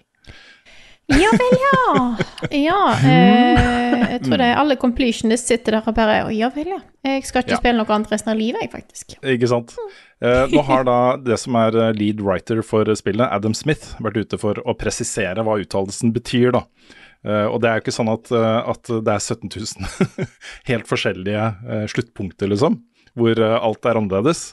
Eh, det er da nyanser i opplevelsen, eh, eh, og det han har beskrevet det som et edderkoppnett, hvor du starter på ytterkanten, beveger deg da i forgreninger på en måte inn mot det samme sluttpunktet, hvor da um, hvordan det oppleves av hver enkelt spiller, vil være forskjellig basert på hva du har opplevd tidligere. da. Ja. Så det viser seg å være kanskje en litt sånn sa eh, sannhet med modifikasjoner. Og Ja, i er sånn- endring 7605 så blir du The Lord of Evil, men han har på seg gult. Ja. Ja. Jeg ser for meg at det er mye sånt. Eh, eh, liksom, ja, det, det spørs hvordan du teller, sant. Hvis du teller at du har på deg en annen hammer Ja, ikke sant? endring. Jeg tror det er en av de 17 000 Ja. sluttene. ja. Men det er veldig kult da, hvis det er liksom små detaljer. At uh, er, du en, uh, er du en necromancer som har en uh, Kembo-svær uh, skeleton bodyguard, så står han ved siden av deg når du blir Lord of Evil. Det er sånn. Mm. Ja, det er litt sånn jeg tolker det. Det dette har jo blitt et sånt spill som jeg også går og gleder meg til. Um, vi eh, har jo snakka litt om, fordi det er Andreas som skal anmelde det for oss, og han har jo sitt, sitt lag. Eh, som de sitter klare og er eh, supergira. Eh, men vi har snakka om at du og jeg, Svens, og Carl og Nick, hvis vi kan være fire, da. det er jeg usikker på. At vi skal bare spille sammen sammen når vi har tid. Kose oss med det. Det jeg tipper at vi ikke er ferdig for langt ut. Jeg tror ikke vi er ferdig for langt ut i 2024, hvis vi skal spille på den måten. hvis, Men, og hvis denne kvaliteten i, i det hele tatt bare sniffer på det jeg opplevde i Divin 2, så kommer Mm. dette til å bli en opplevelse. Ja, jeg ser også flere har vært ute og snakka om eh, Fordi vi opplevde jo det veldig med Diablo. At uh, spillet kommer ut, det er dritlangt og tar lang tid liksom å grinde. Uh, og alle streamerne og youtuberne som bare Hvordan skal vi optimalisere dette her og uh, effektivisere det på mest, på mest mulig og Ikke sant? Um, eh, Minmaksing og sånt. Uh, Larian har vært ute og sagt at de anbefaler folk å bare ikke tenke så mye når de spiller. Ja. Bare ta det på en måte i den, den rekkefølgen som du ramler over ting, og gjør de valgene du har lyst til å ta. Ikke tenk så mye på minmaksing og optimalisering. Det er et råd jeg har tenkt å følge, i hvert fall. Ditto.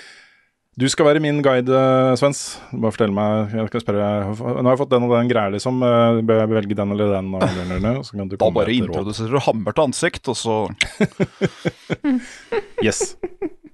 Et par eh, rykter og lekkasjer her. Um, det går et eh, rykte om at, um, som da angivelig er fra innsiden, så det er derfor jeg velger å nevne det, om at eh, Ubisoft har kansellert planene om å lage Immortals Phoenix Rising-oppfølger. Ok. Um, de har, var visst i gang med preproduksjon og manus og, og sånne ting. Uh, og begrunnelsen er litt den der tendensen vi ser i spillbransjen nå, særlig hos de store.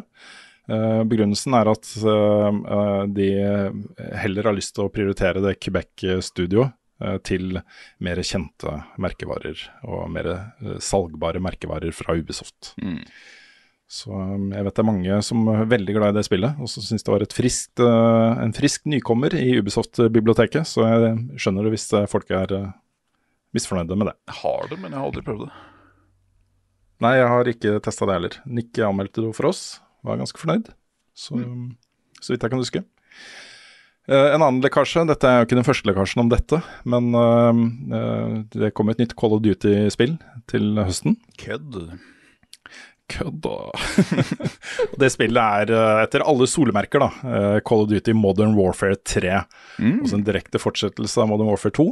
Um, Uh, og grunnen til at dette ble avduket, var jo fordi Monster Energy hadde noen reklamegreier hvor du kunne se en, en Modern Warfare 3-logo og Captain Price og greier. ja. Så ja, ikke sant. Noen Var det som det har sett du- feil på datoen. For det var ikke det du fikk masse koder til på Burger King og sånn? Nei, det var Modern Warfare 2, Det var toeren, eh, ja. hvor de hadde en eh, Du kunne få XB-boost av eh, å kjøpe menyer på Burger King. Ja, Nice. Mm. Så eh, det har jo også blitt uh, snakka litt om at, at du vil kunne ta med deg da for første gang eh, progress og, og sånt fra Warzone 2.0 til Warzone 3.0. Mm. Eh, at det er progresjon, at ikke det er sånn hard cut og vegg mellom de to. Ok. Um, Activision har også gjort en avtale nå med, også med Sony. En avtale de tidligere har signert med eh, Nintendo.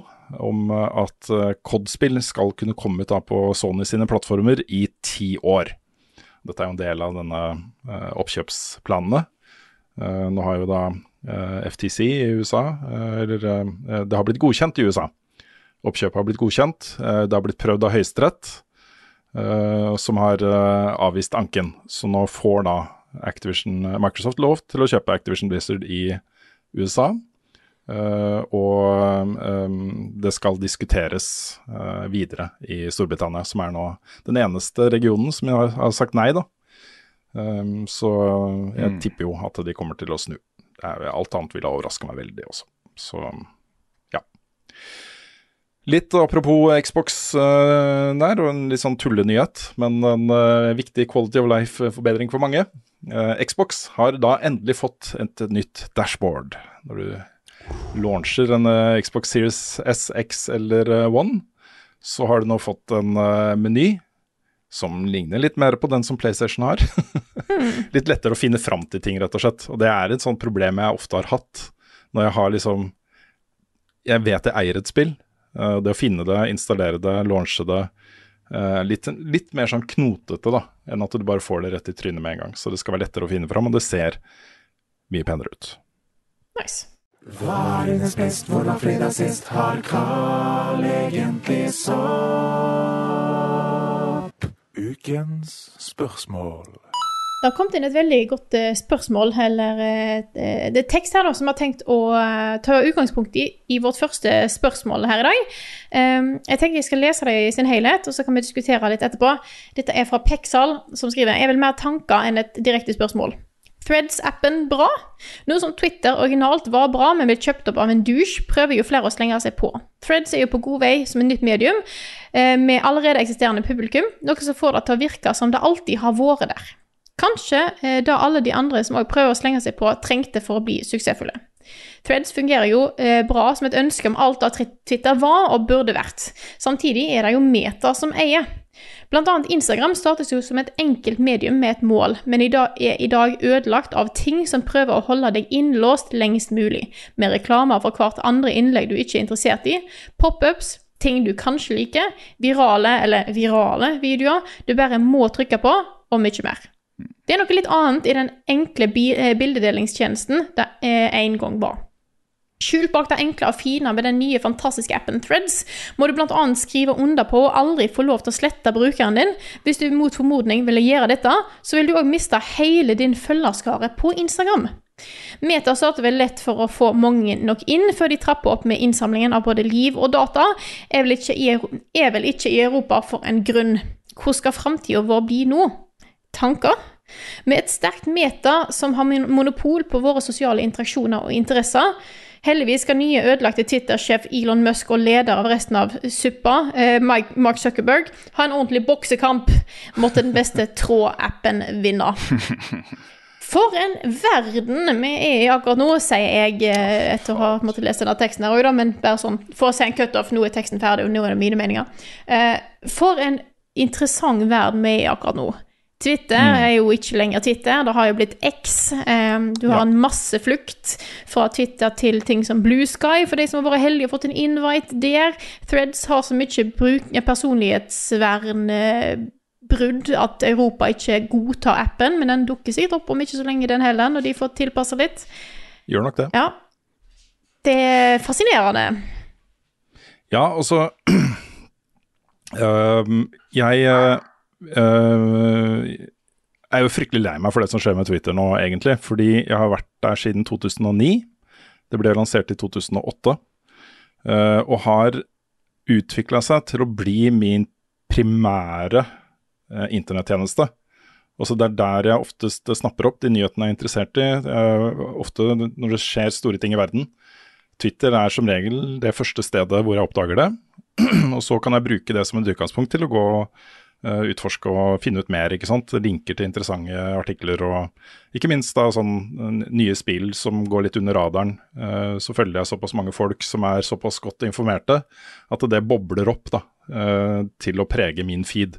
Så Twitter har blitt kjempeviktig for meg, eh, og det er det ikke lenger på samme måte. Eh, det er fortsatt sånn at veldig mange blir igjen på Twitter eh, inntil videre.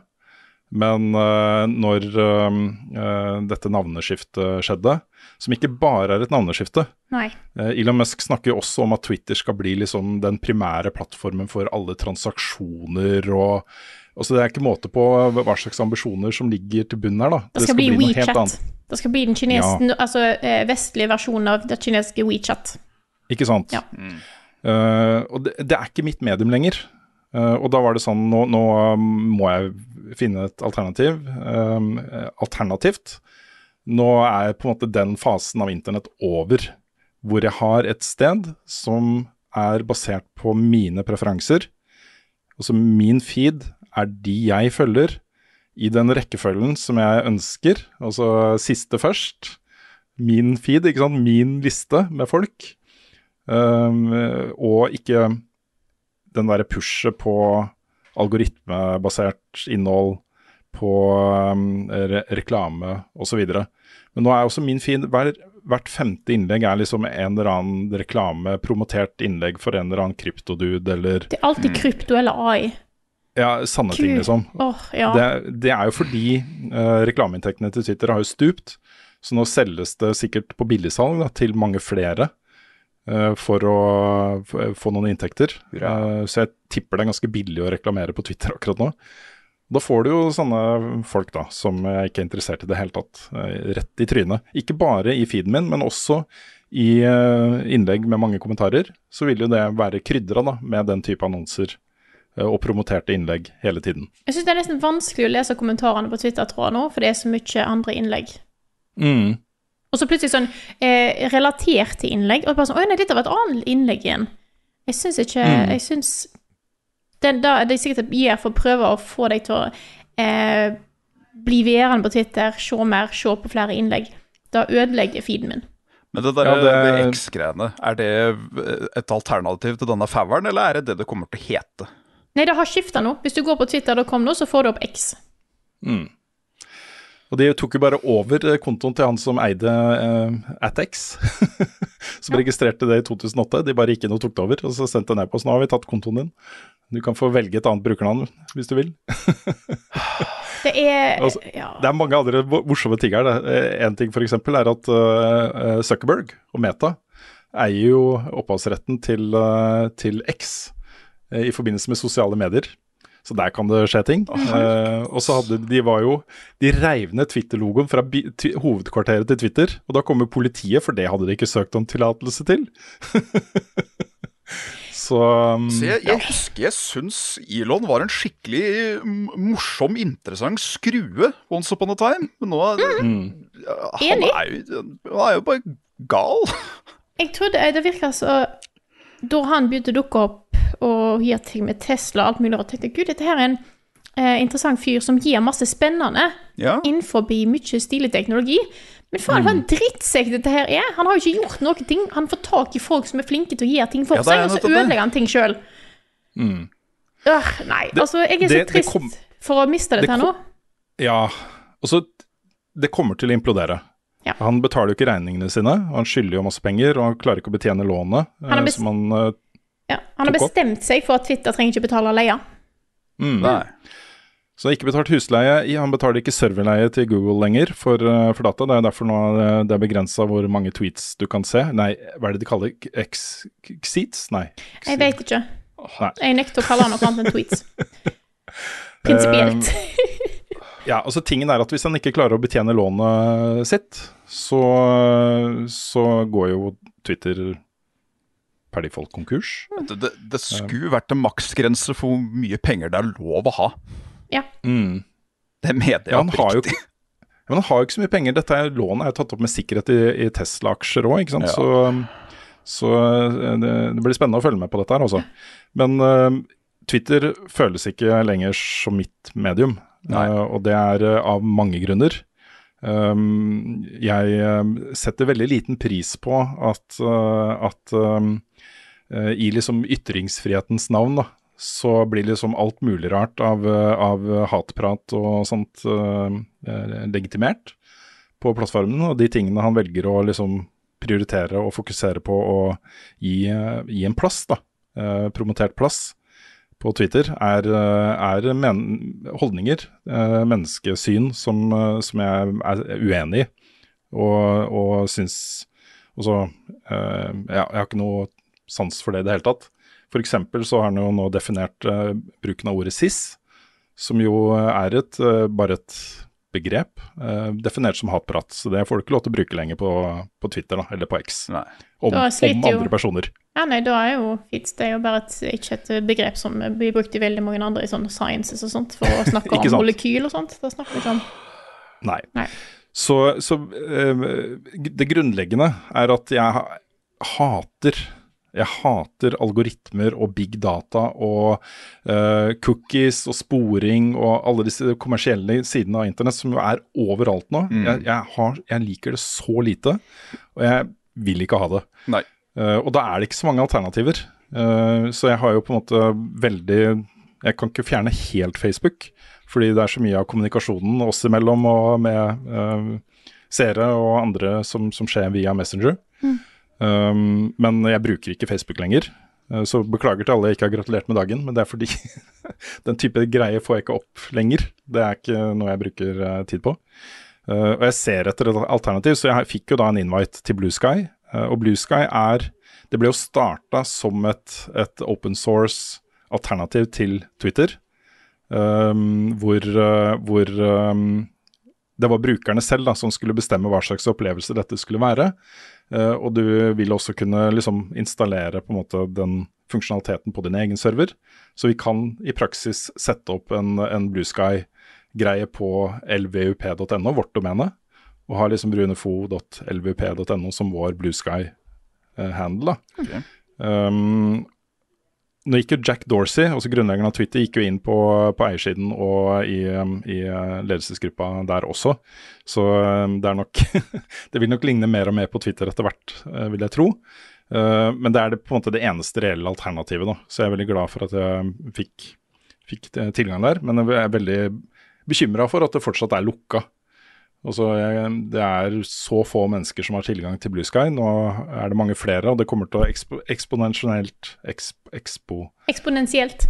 eksponentielt vokse, fordi alle som er der, får en invite. Jeg tror det er én gang i uka eller noe sånt. Og jo flere som er der, jo flere invites vil det være, og jo flere vil det komme inn, og så sprer det seg på den måten. da. Uh, men uh, det det er foreløpig et godt stykke unna. Uh, og det er helt uaktuelt. Det, er he det kommer ikke til å skje at jeg bytter ut Twitter med threads. Nei. Og så bytter ut uh, Elon Musk med Mark Zuckerberg. Det skjer ikke, altså. Det skjer ikke. Så det er, det er helt uaktuelt. Jeg har um, Jeg mista jo Eller jeg mista, hallo. Eh, eh, Reddit-appen min la jo ned i eh, 1. juli pga. Ja. av Reddit sine endringer på API-er. Eh, jeg har nå bruker lenger ikke Reddit. Reddit var jo òg en veldig fin samling der jeg hadde kuratert en hel haug med, eh, med community som jeg likte, som jeg ville være en del av, som jeg fulgte med på. Mm. Eh, jeg hadde blant annet en utrolig koselig uh, broderi eh, Reddit-gruppe. Kjempehyggelig. Masse flinke folk. Eh, Gone. For nå jeg, har, jeg, skal, jeg, vil ikke bruke den nettleserfunksjonen. Jeg skal i hvert fall ikke laste ned appen til, eh, til det selskapet, til det de gjorde nå. Eh, og så forsvinner Twitter nå. Eh, jeg merker at jeg har vært litt mer på Instagram, bare fordi liksom, jeg har bare plutselig havnet over der. Og jeg innså at der er det ikke Ja, jeg har masse folk jeg følger, men det må jeg aktivt hver gang jeg går inn og oppdaterer appen, eller på en måte oppdaterer feeden min, da, så må jeg velge at nei, jeg skal kun se det jeg faktisk følger. Mm. Jeg, nå ser jeg to innlegg, og så ser jeg masse sånn her Dette passer sikkert for deg. Og det er jeg, jeg vil ikke ha det. Nei. Jeg vil ikke ha det. Det er, det er faktisk den eneste appen hvor akkurat det der ikke plager meg for mye. Fordi eh, det, det, det er jo igjen på algoritmer og greier, da. Men den algoritmen kjenner meg såpass godt at hver gang det kommer et forslag om noe, så er det sånn Ja, ja men det er derfor jeg er her, på en måte. Ja, altså Det som jeg merker, er at da eh, Jeg mer- merker at den algoritmen faktisk funker bra. Jeg får mye bra kattevideoer. Mm. Men jeg ender opp med å bli der lenger enn jeg vil. Ja, sånn, ja. Og det er da jeg syns er litt sånn sketchy. Twitter, nei, Twitter, sier. Instagram for meg, det er, eh, det er en sånn jeg, jeg ser på den kanskje en gang om dagen. Bare som en sånn liten sånn ja, Har det skjedd noe annet? Nei. Hvis ikke så er det er det, det alternativet til, eh, til eh, en billig tegneserie eller noe sånt når jeg sitter på do. Mm. Nei, jeg syns internett er en ganske sørgelig um, på et sørgelig sted Ja. om dagen. Og det er eh, Jeg er eh, litt sånn stressa på det. Jeg, jeg tr tror jo at det vil komme en slags motreaksjon til det, og det fins det jo på en måte allerede. Eh, men eh, det, det føles ikke riktig å bevege seg over i Tor og dark web for å få en internettopplevelse hvor, hvor, som er basert på mine preferanser, da. Mer enn hva noen andre mener mine preferanser bør være, ikke sant. Eh, så så, så jeg, jeg tror at uh, hvis Blue Sky f.eks. fortsetter med den holdningen de har til det å bruke dine data til uh, kommersielle ting, hvis det får lov til å, å gro og vokse og leve på den måten, så kan det bli et, et eh, reelt sånn primærmedium for meg. Um, men det er så mange steder på internett nå hvor, hvor jeg, de får jo pop-ups og sånt hver, hver gang, liksom. Jeg bruker jo VPN, som alle bør gjøre. Hvis du er bekymra for, eh, for eh, hvordan disse kommersielle kreftene bruker eh, dine data til å selge ting, liksom, og lagre ting om deg. Så, eh, så får jeg opp, hver gang jeg går inn på nettsider, så får jeg opp uh, uh, Vil du ha på cookies eller ikke, liksom. Den lange lista som reject all og Mm. Hver gang jeg åh, altså, Det er så slitsomt. Ja. Så, så jeg vet ikke, rett og slett. Jeg, jeg begynner å bli litt sånn motreaksjon for meg nå. Så begynner jeg å tenke på kanskje jeg burde skaffe en gammel Nokia-telefon som bare kan tekste og ringe, liksom. Eh, kanskje jeg bør slette disse sosiale medier-appene helt fra telefonen min. Nei, Jeg merker jo jo mer jeg på en måte har blitt interessert i teknologi og sånt, jo mer innser jeg at jeg vil ikke ha Jeg vil ikke ha smarte ting. Eh, når vi skulle kjøpe bil nå, jeg vil ha en bil med minst mulig skjerm. Da forsvant det faktisk et par biler fordi det var for mye skjerm. Jeg vil ha knapper. Jeg vil ha knapper jeg kan trykke på, ikke en skjerm jeg må prøve å liksom se på for å finne ut hvor jeg skal trykke.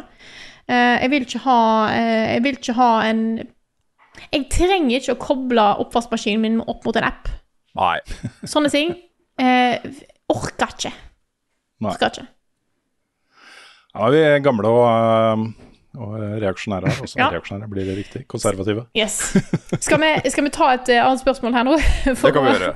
Ja. Jeg, jeg kan i hvert fall bare nevne at jeg kommer til å beholde Twitter-kontoen min uh, enn så lenge. Uh, jeg, håper jo, jeg håper jo at Blue Sky skal åpne opp litt mer snart. Um, sånn at flere kan få tilgang, og at i hvert fall at det blir, blir mulig å lese andres, andres feeds, da, selv om du ikke har egen konto, for det kan du ikke. Du må jo ha konto for å lese andres feeds på, okay. på Blue Sky. Ja. Um, så jeg, jeg beholder Twitter-kontoen min, men jeg, eh, det, det er høyst, høyst motvillig. Ikke med glede. Nei, ikke med glede. Jeg har jo et bitte lite håp, da. Det kommer jo ikke til å skje. Men ikke sant? hvis det går konkurs, kanskje noen snille folk kjøper det. og reverserer det og kaller det Twitter igjen og, og fjerner uh, Ikke sant? Det er lov å Starter med håpe. moderering igjen og mm. Yes. Men yes. Men ta Hvis du spørsmål? har Blue Sky, Ja. så er jeg på runefo.bsky, b-s-k-y, dot social. Eh, Carl er på kjernekarl. eh, bsky.social. Og Frida får konto snart. Det blir vel Frida Danmo? Eh, enten Frida Danmo eller F Danmo. Doktor Danmo. Mm. Vi skal prøve å få over hele gjengen på Blue Sky. Ja. Doktor Danmo hadde vært veldig bra. Jeg, kan- jeg kan ikke. Det, er- det, det, det er noe med noe i jeg hører på siden til loven som sier at jeg har ikke lov til å Ja, kom Ja. igjen, da. Ja. Doktor, da. Skal vi ta et nytt spørsmål? Det kan vi gjøre. Ja, vi kan gjøre det. Har du et, Rune? Ja Kan ta et spørsmål her fra Kenneth Øie, som er sånn, litt sånn ny at jeg vurderte han i nyhetsspalten. Eh, som spør da, Hei, velkommen tilbake fra ferie. De siste dagene har Ubisoft hisset på seg folk og fe ved å uttale at en Ubisoft-konto som har vært inaktiv over lengre tid, vil bli slettet sammen med tilhørende spillbibliotek. Til og med om et Ubisoft-spill er kjøpt på Steam, vil det bli umulig å spille og må kjøpes på nytt og linkes opp mot ny Ubisoft-konto. I praksis betyr jo det at man kjøper tilgang til spillet, men ikke eier det. Kanskje bedre med et abonnement à la Microsoft og PlayStation, da, hvor man ikke må ut med 600-700 kroner synspunkter. Og det første synspunktet er jo at Ubisoft har vært ute i etterkant av dette her, og eh, moderert det ganske betydelig. Altså, de sier at hvis du har en, en eh, Uplay, eh, eller Ubisoft Connect heter det kanskje nå, konto med tilhørende spill, så kommer de ikke til å slette tilgangen til de spillene.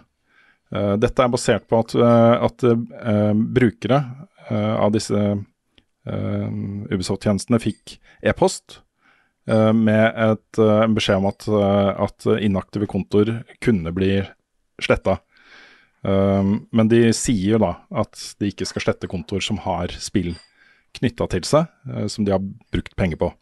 Så um, Det er bra. um, ja. Men uh, dette er jo en sånn trend da, som er litt sånn uh, Hvis Ubisoft, Ubisoft går konkurs, da, uh, ikke eksisterer lenger, hva skjer da med de pengene du har brukt og de spillene du har kjøpt? Mm. Hva om Steam får nye eiere med nye retningslinjer, og du ikke får tilgang til biblioteket ditt lenger? Det er jo elementer ved det digitale samfunnet som, som, som det er noen problematiske sider ved. Eh, Det er jo massevis av eh, filmer og TV-serier og sånn som blir sletta på Netflix Ja. og disse streametjenestene. Jeg har begynt å kjøpe eh, av, av på en måte serier som jeg har likt, og som jeg har hentet på en show flere ganger. Eh, har jeg nå begynt å skaffe meg fysisk versjon av, fordi jeg er så lei av at ting jeg er glad i, forsvinner fra strømmetjenester. Ser den. Noen går tilbake til til faen gammel, eh, litt sånn gammel og bitter her. Vet hva, Jeg skal ha ting i fysisk igjen. Jeg. Bare sånn at ikke de kan slette det fra en server og si at du får ikke lov til å spille det eller se det. Mm, Det, nei. er- det er det samme det går på. Det er, Mm. Den digitale framtida er ikke alltid helt eh, der jeg vil at den skal være. Men så kommer det vel alltid til å være, fordi eh, du har jo da f.eks. Uh, uh, Spore 2, som holdt på å si. Det som mer eller mindre er et sånt Diablo-ish spill. Det var jo online only. De serverne Mm. finnes ikke lenger. Så hvis Nei. du har en kopi av det spillet, så ja. Det blir litt sånn som med det derre um, Det som skulle være Var det Gearbox, da? Som hadde en uh, Skulle uh, komme med en konkurrent til Overwatch. Hva var det det for noe igjen? Battle, Battleborn? Ja, Ja, stemmer, ja, stemmer, ja, ja, ja. Det var et sånt fullstendig dødsspill. Det har ingen verdi. Nei, det er um, Kanskje en burde gå Kanskje en burde kjøpe det mer fysisk, for da, slepp, da unngår du Unngår du disse problemene. Fordi vi kjøper jo lisenser. Mm. Vi kjøper jo ikke Mm. Vi eier dem jo ikke når vi kjøper ting på Steam på den måten.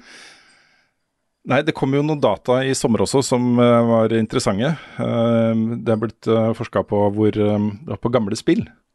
Eh, og de har funnet ut eh, da at eh, 87% av alle spill lansert før 2010 ikke er tilgjengelige Ja. lenger. Mm. Og det er eh, Masse abandonware der ute, altså. Ja. Og så finnes det jo selvfølgelig mye gode emulatortjenester og den type ting, og særlig på håndholdtmarkedet så har det kommet mange eh, håndholdte maskiner nå, Mm. med liksom alt tilgjengelig. Jeg var, eh, bodde en natt hos uh, kaptein Zalo på vei til, til Stavanger, han viste meg en sånn boks han har satt opp um, med tilgang til alt mulig rart. Det, det er um, det er lettere å på en måte akseptere at det er en del av uh, kulturkonserveringa, når man vet at det er eneste måten det er tilgjengelig på. Ja. Så, så det at det fins sånn, er jo, er jo bra i sånn, et kulturelt perspektiv. Mm.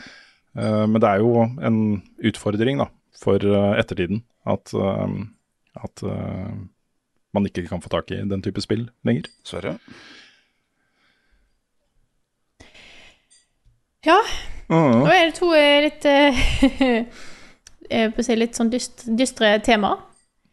Skal vi Da vi- Har vi, har vi en lett en å nå runde med? Hæ? Har vi en lett en å runde av med? sier jeg? Ja, jeg, jeg har et par eh, ting her som vi kan bare gå kjapt innom, kanskje. Ja. Et fra Kjaus, som eh, lurer på hva vi tenker om eh, PS5 Pro-ryktene. Um, er det en god eller dårlig ting med slike mellomgenerasjonskonsoller? Da tenker jeg henholdsvis eh, for forbrukerne, for store utviklere og for små utviklere.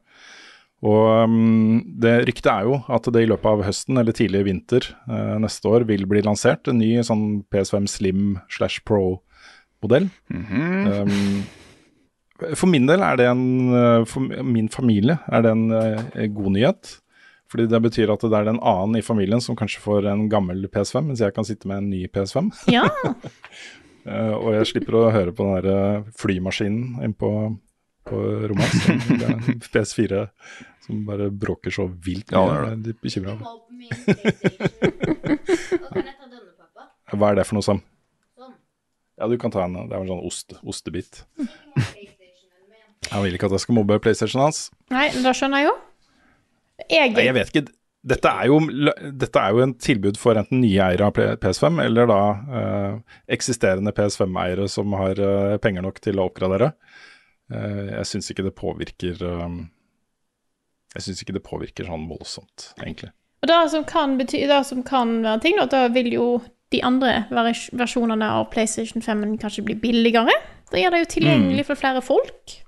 Ja, fordi den proppen må vel ha løsna nå, vel? Ja, nå kan du gå i butikken og kjøpe en PS5. Ja, ok, greit. Det har kommet seg. Det tok noen år, men det har kommet seg. Ja, fy faen. Mm. Ja, det er ganske sprøtt. Ja, fy fader. Nei, altså, jeg er, jeg er glad i gadgets. Det å få en, en, um, en, en ny PS5, kanskje litt mer lagringsplass eller kjappere SSD-disk eller et eller annet, liksom. Jeg vet ikke hva de har tenkt å legge inn i den. Um, det er, ja, ja takk. Mhm. Ja takk, egentlig. Skal vi ta et eh, Hadde du et siste på blokka, Rune? Siden du sa du hadde et par kjappe? Ja, eh, det er litt relatert til Twitter-diskusjonen vår. Det er fra Silacoid. Som uh, uh, setter opp liksom den derre de, de store utgivelsene fra de store utgiverne. Som pushes liksom på fronten av PlayStation Store, og som får veldig mye oppmerksomhet, selv om det ikke nødvendigvis er veldig bra. Han nevner liksom Forsaken Nei, Forsaken er Forspoken som et eksempel. Eller Gollum-spillet eller et eller annet. Uh, det jeg lurer på, er hvordan vi får med oss på en måte de bra spillene som kommer opp uten å bli pusha av Square Enix og de store eh, i liksom butikkforsider og, og sånne ting. Og der har jo Twitter vært ganske viktig for meg personlig. Mm. Um, men jeg følger også en del nettsider og sånne ting som er gode da på å snappe opp disse tingene her. Ja. Men det er liksom det, boblere, det er alltid boblere som kommer litt fra ingenting, sånn som Dave the Diver og Dredge og, og sånt, som, som er viktig da, for en redaksjon som vår å få med oss. Um, og vi har jo anmeldt mange av de.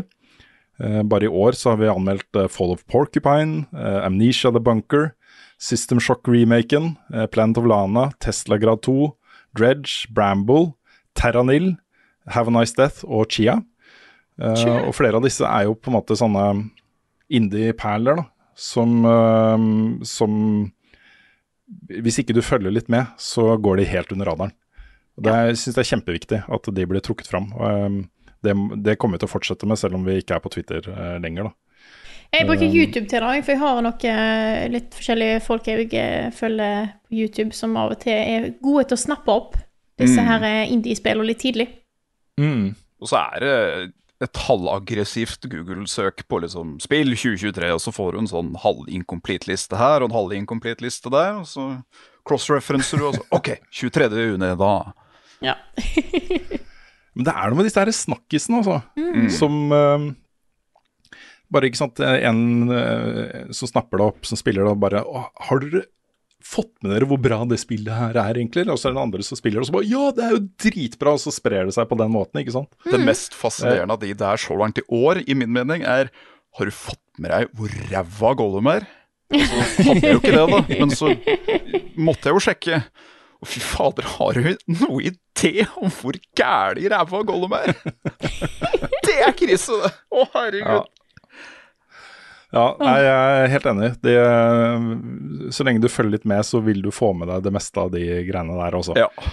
Um, så, men jeg er helt sikker på at uh, sånn som Dave the Diver Hvis ikke det hadde vært for at det fantes et litt sånn der, uh, underground railroad på uh, indie-perler, så ville det bare forsvunnet ut av bevisstheten til mange. Mm.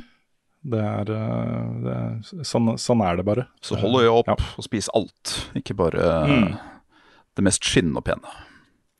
Og så syns jeg det er veldig interessant fordi um, alle disse store filmstudiene de har liksom en tendens til å satse på liksom oppfølgere, og du ser jo liksom Marvel in Cinematic Universe og, og sånne ting. Jeg syns det er så kult at de to største filmene i år, ved siden av Super Mario Bros.-filmen, da, det er Oppenheimer og Barbie, og det derre frenetiske altså eventet det var. At de kom på kino på samme dag og så, har blitt sett av så mange og tjent inn så mye penger og sånne ting, er jo et veldig tydelig signal da, til filmstudioer om at folk er sultne på ting som er nytt og friskt og annerledes, og ikke oppfølgere og den type ting.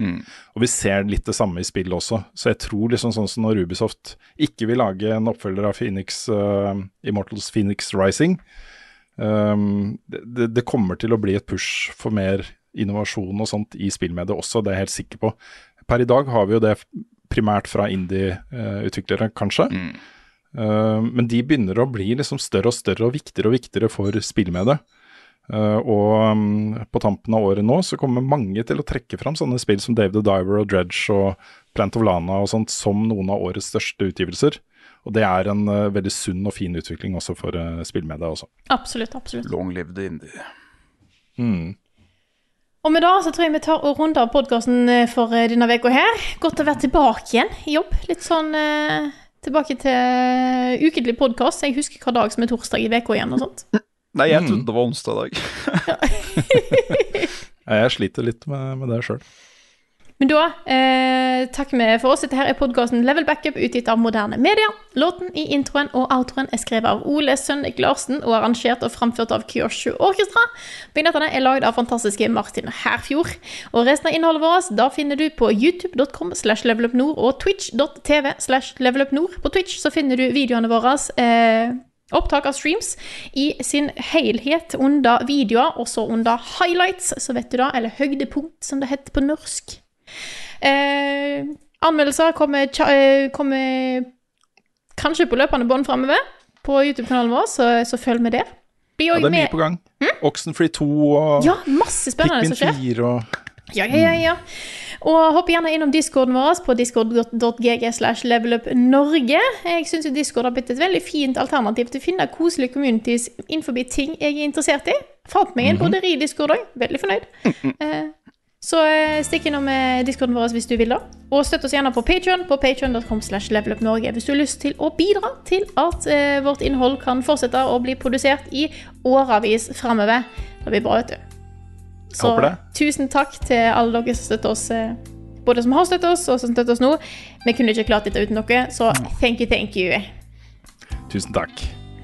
Og med det så eh, sier jeg takk for denne uka her, og så snakkes vi igjen neste uke. Hei.